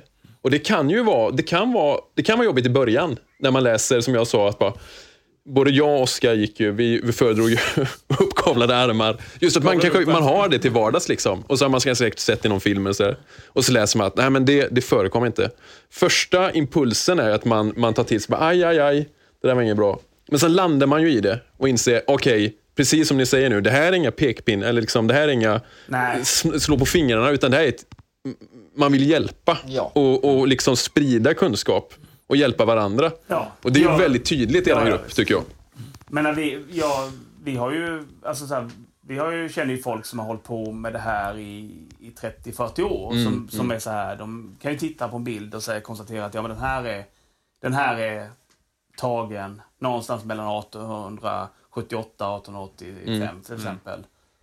Baserat på kläder och eh, hur, hur de ser ut och så vidare. Så att, och där känner jag ju mig som en total novis Mm. när, de, eh, när de sätter igång. Så mm, det är jag, så. jag vill inte säga att jag är absolut ingen expert på det här. Nej, så är det. Man lär sig hela tiden. Ja. Ja, man blir ju aldrig fullärd. Nej, Nej. Det, det, blir man absolut inte. Och eh, sagt, vi, tittar jag till, mig själv så har jag ju, jag har ju någonstans inriktat mig någonstans mellan, man säger slut av, av 70-talet fram till kanske mitten av 1880-talet. Det är där Mm. jag har, Mm. har lagt mitt intresse från en början. Mm. Sen så har man kanske börjat snegla. snegla åt andra håll. Ja, Mm. men, men där känner man ju verkligen som en total Mm. novis. Jag tänker det här handlar mycket nu om att gå in character då. Att till exempel när man är på High Chaparral eller på speciella events och liknande då. Va? Pratar om en speciell tidsperiod. Men om vi tänker, det går lite utanför det här nu, men eh, privat. Att liksom ta till sig, för jag tittar på er hur ni ser ut just nu. Nu är det lite senare på kvällen. Andreas, har lite skön cowboyinspirerad modern klädsel. Björn sitter kvar med sin autentiska här. Och, Ja, det blev så. och Morgan har en mer vardaglig, men ändå Stetson och snyggt liksom amerikanskt så här, inspirerat. Hur tänker ni? Blir ni inspirerade av det här autentiska, er vardagliga klädsel, eller ser ni det som något helt annat? Ja, men det är faktiskt många av mina västernskjortor använder jag på jobbet till vardags. Ja. Gör jag ibland. Så de, de används lite då och då. Ja. Men annars är det, ja, det är Wrangler jeans och ett par mer moderna working boot, alltså Ja. cowboy boots, alltså working boots då. Precis, men man, man, man har ändå liksom en, en del av det. Ja, det har blivit så att man är lite modern cowboy Ja. även, även på fritiden eller vad man ska säga. Ja, precis. Gör, gör ni likadant? Tänker ni så? Nej, för min egen del så är nog eh, jeansen det närmsta jag kommer i så fall. Ja. och hoodien då möjligtvis, men... Eh, nej, det kan jag väl inte påstå kanske. Ja, Jag, jag klär mig ganska mycket. Här är min, det här är min vardagshatt till exempel. Mm. Ja. Så, det, så det är ju mycket det här att jag när man har rest i USA och sådär Mm. så har man Ja. Inspirerats rätt mycket. inspirerats ganska Ja, mycket av ja. det där. Så att, eh, För jag har alltså börjat, men jag börjar ju känna mig som en kuf. Vi bor ju mitt ute på landet och jag har börjat, det börjar med att man börjar smyga ut med den här hatten så här. Så bara, jag går med min eh, ettårige son och bara, det är fan ingen som ser nu. Sen börjar man stå på, jag vi spelar ju musik, så jag börjar sätta mig på altan, spela banjo med den här. Och sen har bootsen börjat komma på. Så det, det börjar smyga, smyga sig på lite grann. Eh, ni har inte riktigt hamnat där än. Simon har ju, vi ska nämna det, han har ju haft ett sånt där eh, järnåldersskägg tidigare. Ja, bilskägg, spets. Ja, Ja. ja, precis. Ja, hur länge var det då? Sen... 13 år tror jag haft det. Ja. Och nu har vi fått han att raka av vi sig till en eh, igår. lite Wyatt. Ja. Det är ett stort steg. Ja, det är ju faktiskt Ja, på väg. ja. eh, Frågan är hur långt man går liksom. eh, För, för det är lite intressant med det här intresset, just att det växer, att man vill lära sig mer. För mig har det blivit nästan, alltså det, är ju lite, det börjar ju bli fanatiskt. alltså lite Mm. så att det, det allt, eh, nu hoppas jag inga av mina elever eller kollegor lyssnar, men jag har ju börjat smyga in det i undervisningen jättemycket liksom. som musiklärare då. Att man pratar om det mycket kring Propaganda, amerikanska inbördeskriget och vi pratar lite om den eran. Och Ja. Ska man spela moderna låtar så är det, kan man ta Knock on Heaven's Door bara för att eh, Pat Garrett-filmen, eller så. Eh, så det är lite intressant hur intresset kan sprida sig och ta nya vägar också. Ja. Men det är, det är ju samtidigt väldigt viktigt att för många är det här kanske också en liten ventil Mm. i, i, i vardagen. Att man, Ja. man behöver absolut inte klä sig eller vara intresserad av, om man säger, moderna USA eller, Nej, eller nej. lyssna på country eller liknande Precis. till vardagen. Det här handlar ju också om en ventil från Ja. kanske vardagen. Att man, Släppa man, vardagen lite. Släppa Ja. vardagen totalt, gå in i, i 1800-talet. Ja. Och det kan man ju göra utifrån eh, vilken, vilken bakgrund som helst. Ja. Man behöver absolut inte klä sig på något annat sätt eller Nej, nej. bry sig om det. Eller liknande så här att man behöver inte komma hem till någon och se att okej, här bor en person som, som är totalt dedikerad till eh, Nej, amerikanska 1800-talet. så här. nej, precis. En liten kort grej där, spinna vidare på det du säger Emil. Jag, du sa ju Ulf Hulken Moström. Jag har alltid när jag var liten gått verkligen in i character. Men den värsta grejen jag gjort, det var ju alltså Zorro. Det var så det egentligen började för mig med något cowboyintresse. Jag, jag blev helt fanatiskt besatt av Zorro. Jag klädde ut mig i Zorro och eh, jag letade igenom mina föräldrars skåp och hittade, min mamma höll på med värjfäktning som liten. Jaha. Jag hittade en värja, en sån här riktigt hård, vass, hår, alltså lång stålvärja. Och då lurade jag ut eh, granntjejen att ta med sig ett av hennes paraplyer.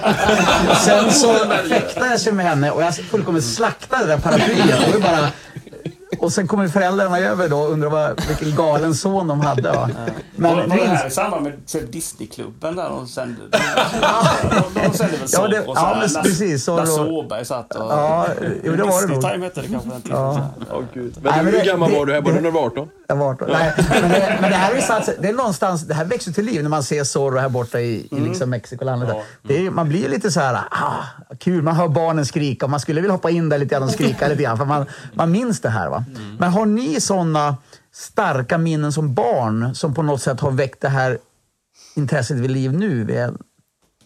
Ja, alltså det, det, så- det som fick mitt, eh, om man säger så här, det, det som jag kommer ifrån, det var att jag har alltid gillat att läsa.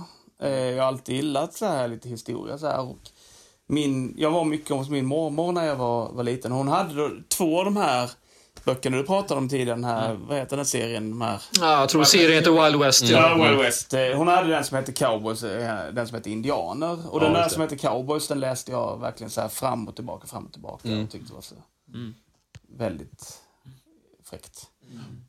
Jag fick dem som ett så tidigt arv sen av mormor, så jag har dem själv hemma. Ja, okej. Ja, men men det, här, där, där tror jag liksom att jag eh, verkligen så här tyckte, ja men det här är, det är spännande. Mm. Nej, men för min del så började jag med, jag vet ju när jag var liten, så då, då fanns det ju mer serietidningar att köpa Mm. med, med vilda västern-tema. Ja, precis. Mm. Ja, en, en hel uppbör egentligen. Alltså, det ja, är- många Mm. olika. Det var med Silverpilen och Apache fanns det någon som hette. Och, Ja, eh, precis. Western hette ju någon där. Och, eh, det var ju mycket tidningar på den tiden. Plus att det gick ju mer western på tv överlag. Ja, visst. Eh, Jag var tidigt 90-tal, Bröderna Cartwright gick ju då. Ja. Jag tror över Ja, TV4 precis. runt eh, 16-tiden tror jag. Jag och min farmor brukar kolla på det. Ja. Ja. Ja. Eh, det är ju fantastiskt bra tips här. Eh, jag tänker som, om, om man skulle ju, vi säger att det är någon nu då som eh, ska göra någon outfit. Eh, har egentligen kanske ingen speciell tanke om vad man ska vara. Om man ska göra ett enkelt val, har ni något förslag på vad är det absolut enklaste att börja med? Vilken roll? Och när? Det enklaste skulle jag säga är en, en, en stadsbo. Ja, en vanlig stadsbo. Ja, en vanlig stadsbo. För att den är ju ganska enkel och, eh, och, och skicka liksom till liksom ganska många yrken eh, runt om. Ja, just det. Eh, samtidigt som man, man kan smälta in i den nästa miljön så här. Mm. Eh, där är det kanske mer så här att generellt, jag ska inte säga undvik cowboy, men cow, alltså cowboy sådär, det var ganska få, alltså cowboy-eran var ju inte så stor som vi Nej. vill måla upp den. Och cowboys var ju oftast ganska unga människor. Ja, precis. Eh, unga killar framförallt. Eh, så att där blir det fel när man kanske själv ibland så här som 40-plussare vill porträttera Ja. cowboys. Men, Mm. men, men jag skulle säga Jo, men det är väl såklart. Det är väl enklast att börja med Mm. så sätt. Så att man eh, försöker bara klä sig som en vanlig stadsbo. Då. Mm. Och om vi tänker, ja det är samma sak. Nu, vi pratar ju alltid, jag tänker på det, det är ju alltid utifrån mans perspektiv nästan när vi pratar. Såklart, i och med att vi klär oss inte i klänning så ofta. Men som en kvinna då? Är det samma sak där då, att det är stadsbo om något? Eller vad tänker man där? Vad skulle vara det lättaste att börja med? Ja, men jag, alltså, jag måste säga jag är ingen expert inom kvinnokläderna till att börja med. Nej. Eh, men, eh, och jag vill inte kalla mig det överlag heller. Men, eh, jag skulle nog tro att det är lättast att börja där, men, men eh, sen beror det ju också på där. Ska du, Mm. ska du, vilken samhällsklass du ska vara i. Ja, exakt. Mm. Mm. Och, och, och det, är, det är kanske en sån grej man ska lite till, lägga till också, att man ska kanske sikta, när man bygger en outfit, sikta på det som är lite mer generellt. Ja. Om man säger så. Mm. Det, Mm. där, där, det finns ju alltid det finns ju alltid undantag Ja, i mm. allting. Mm. Men att man siktar till exempel så här, hade 9 av 10 blåa skjortor, Mm. då är den blåa skjortan man ska sikta Man ska inte sikta på den röda till exempel. Alltså, Nej, att, precis. att man siktar på det här lite, vad, är, vad det var det generella, Generella. Ja, för, för den perioden. Om ni, om Mm, ni förstår mm. vad jag menar Absolut. med det. Mm. Som sagt, vi hoppas ju, det vore ju jättekul om ni vill vara med fler gånger. Då Mm. kan man ju fokusera på något. Ja, till exempel hattar har vi snackat om. Ja. Mm, Som ett eh, specialämne då. Ja, det vore väldigt intressant. Ska vi bara ta nu, eh, vi har ju kört varannan gång man är med första gången i podden. Om ni får välja på, vi brukar alltid säga det, Clint Eastwood eller John Wayne? Jag säger Clint Jag säger Clint Ja, jag säger Clint Eastwood också. Då är vi... Vad trevligt. Ja. Och om eh, ni skulle få välja, ni får bara bära en enda Revolver. revolver. Vad skulle ni välja då? Jag har ju, höll på att säga, jag har bara en revolver, men jag har en, en, eh, en 1873-modell. Ja. Så att jag, jag tycker den är rätt så trevlig att skjuta med. Mm. Generellt. Så att jag skulle nog välja en 1873 bara för... Ja. Även om det är den... Det är ju en klassiker. Ja, jag, Men så har, jag, är det har, en, jag har en, eh, en med 7,5 tums pipa. Mm. Jag tycker den, skj- den skjuter bra. Ja. Morgan? Ja, jag vet inte, men jag skulle nog, jag skulle nog välja en uh, Griswold and Gunnison. Så hipster Nej, men det var, ja, jag vet inte. Jag har alltid tyckt att den är lite spännande. Ja. Häftigt. Ja. Ja, Jag skulle välja, det här är lite otippat, men jag väljer en Schofield Model 3. Mm. Också det enda jag inte har typ. Det är så? Men ja. den kommer komma någon Ja, gång, ja. tids nog. Ja. Vad härligt. Men vad då får vi tacka så extremt mycket Ja. för att ni vill vara med. Tack, tack. Oerhört Tack värdefullt. själva. Tack. Yeah!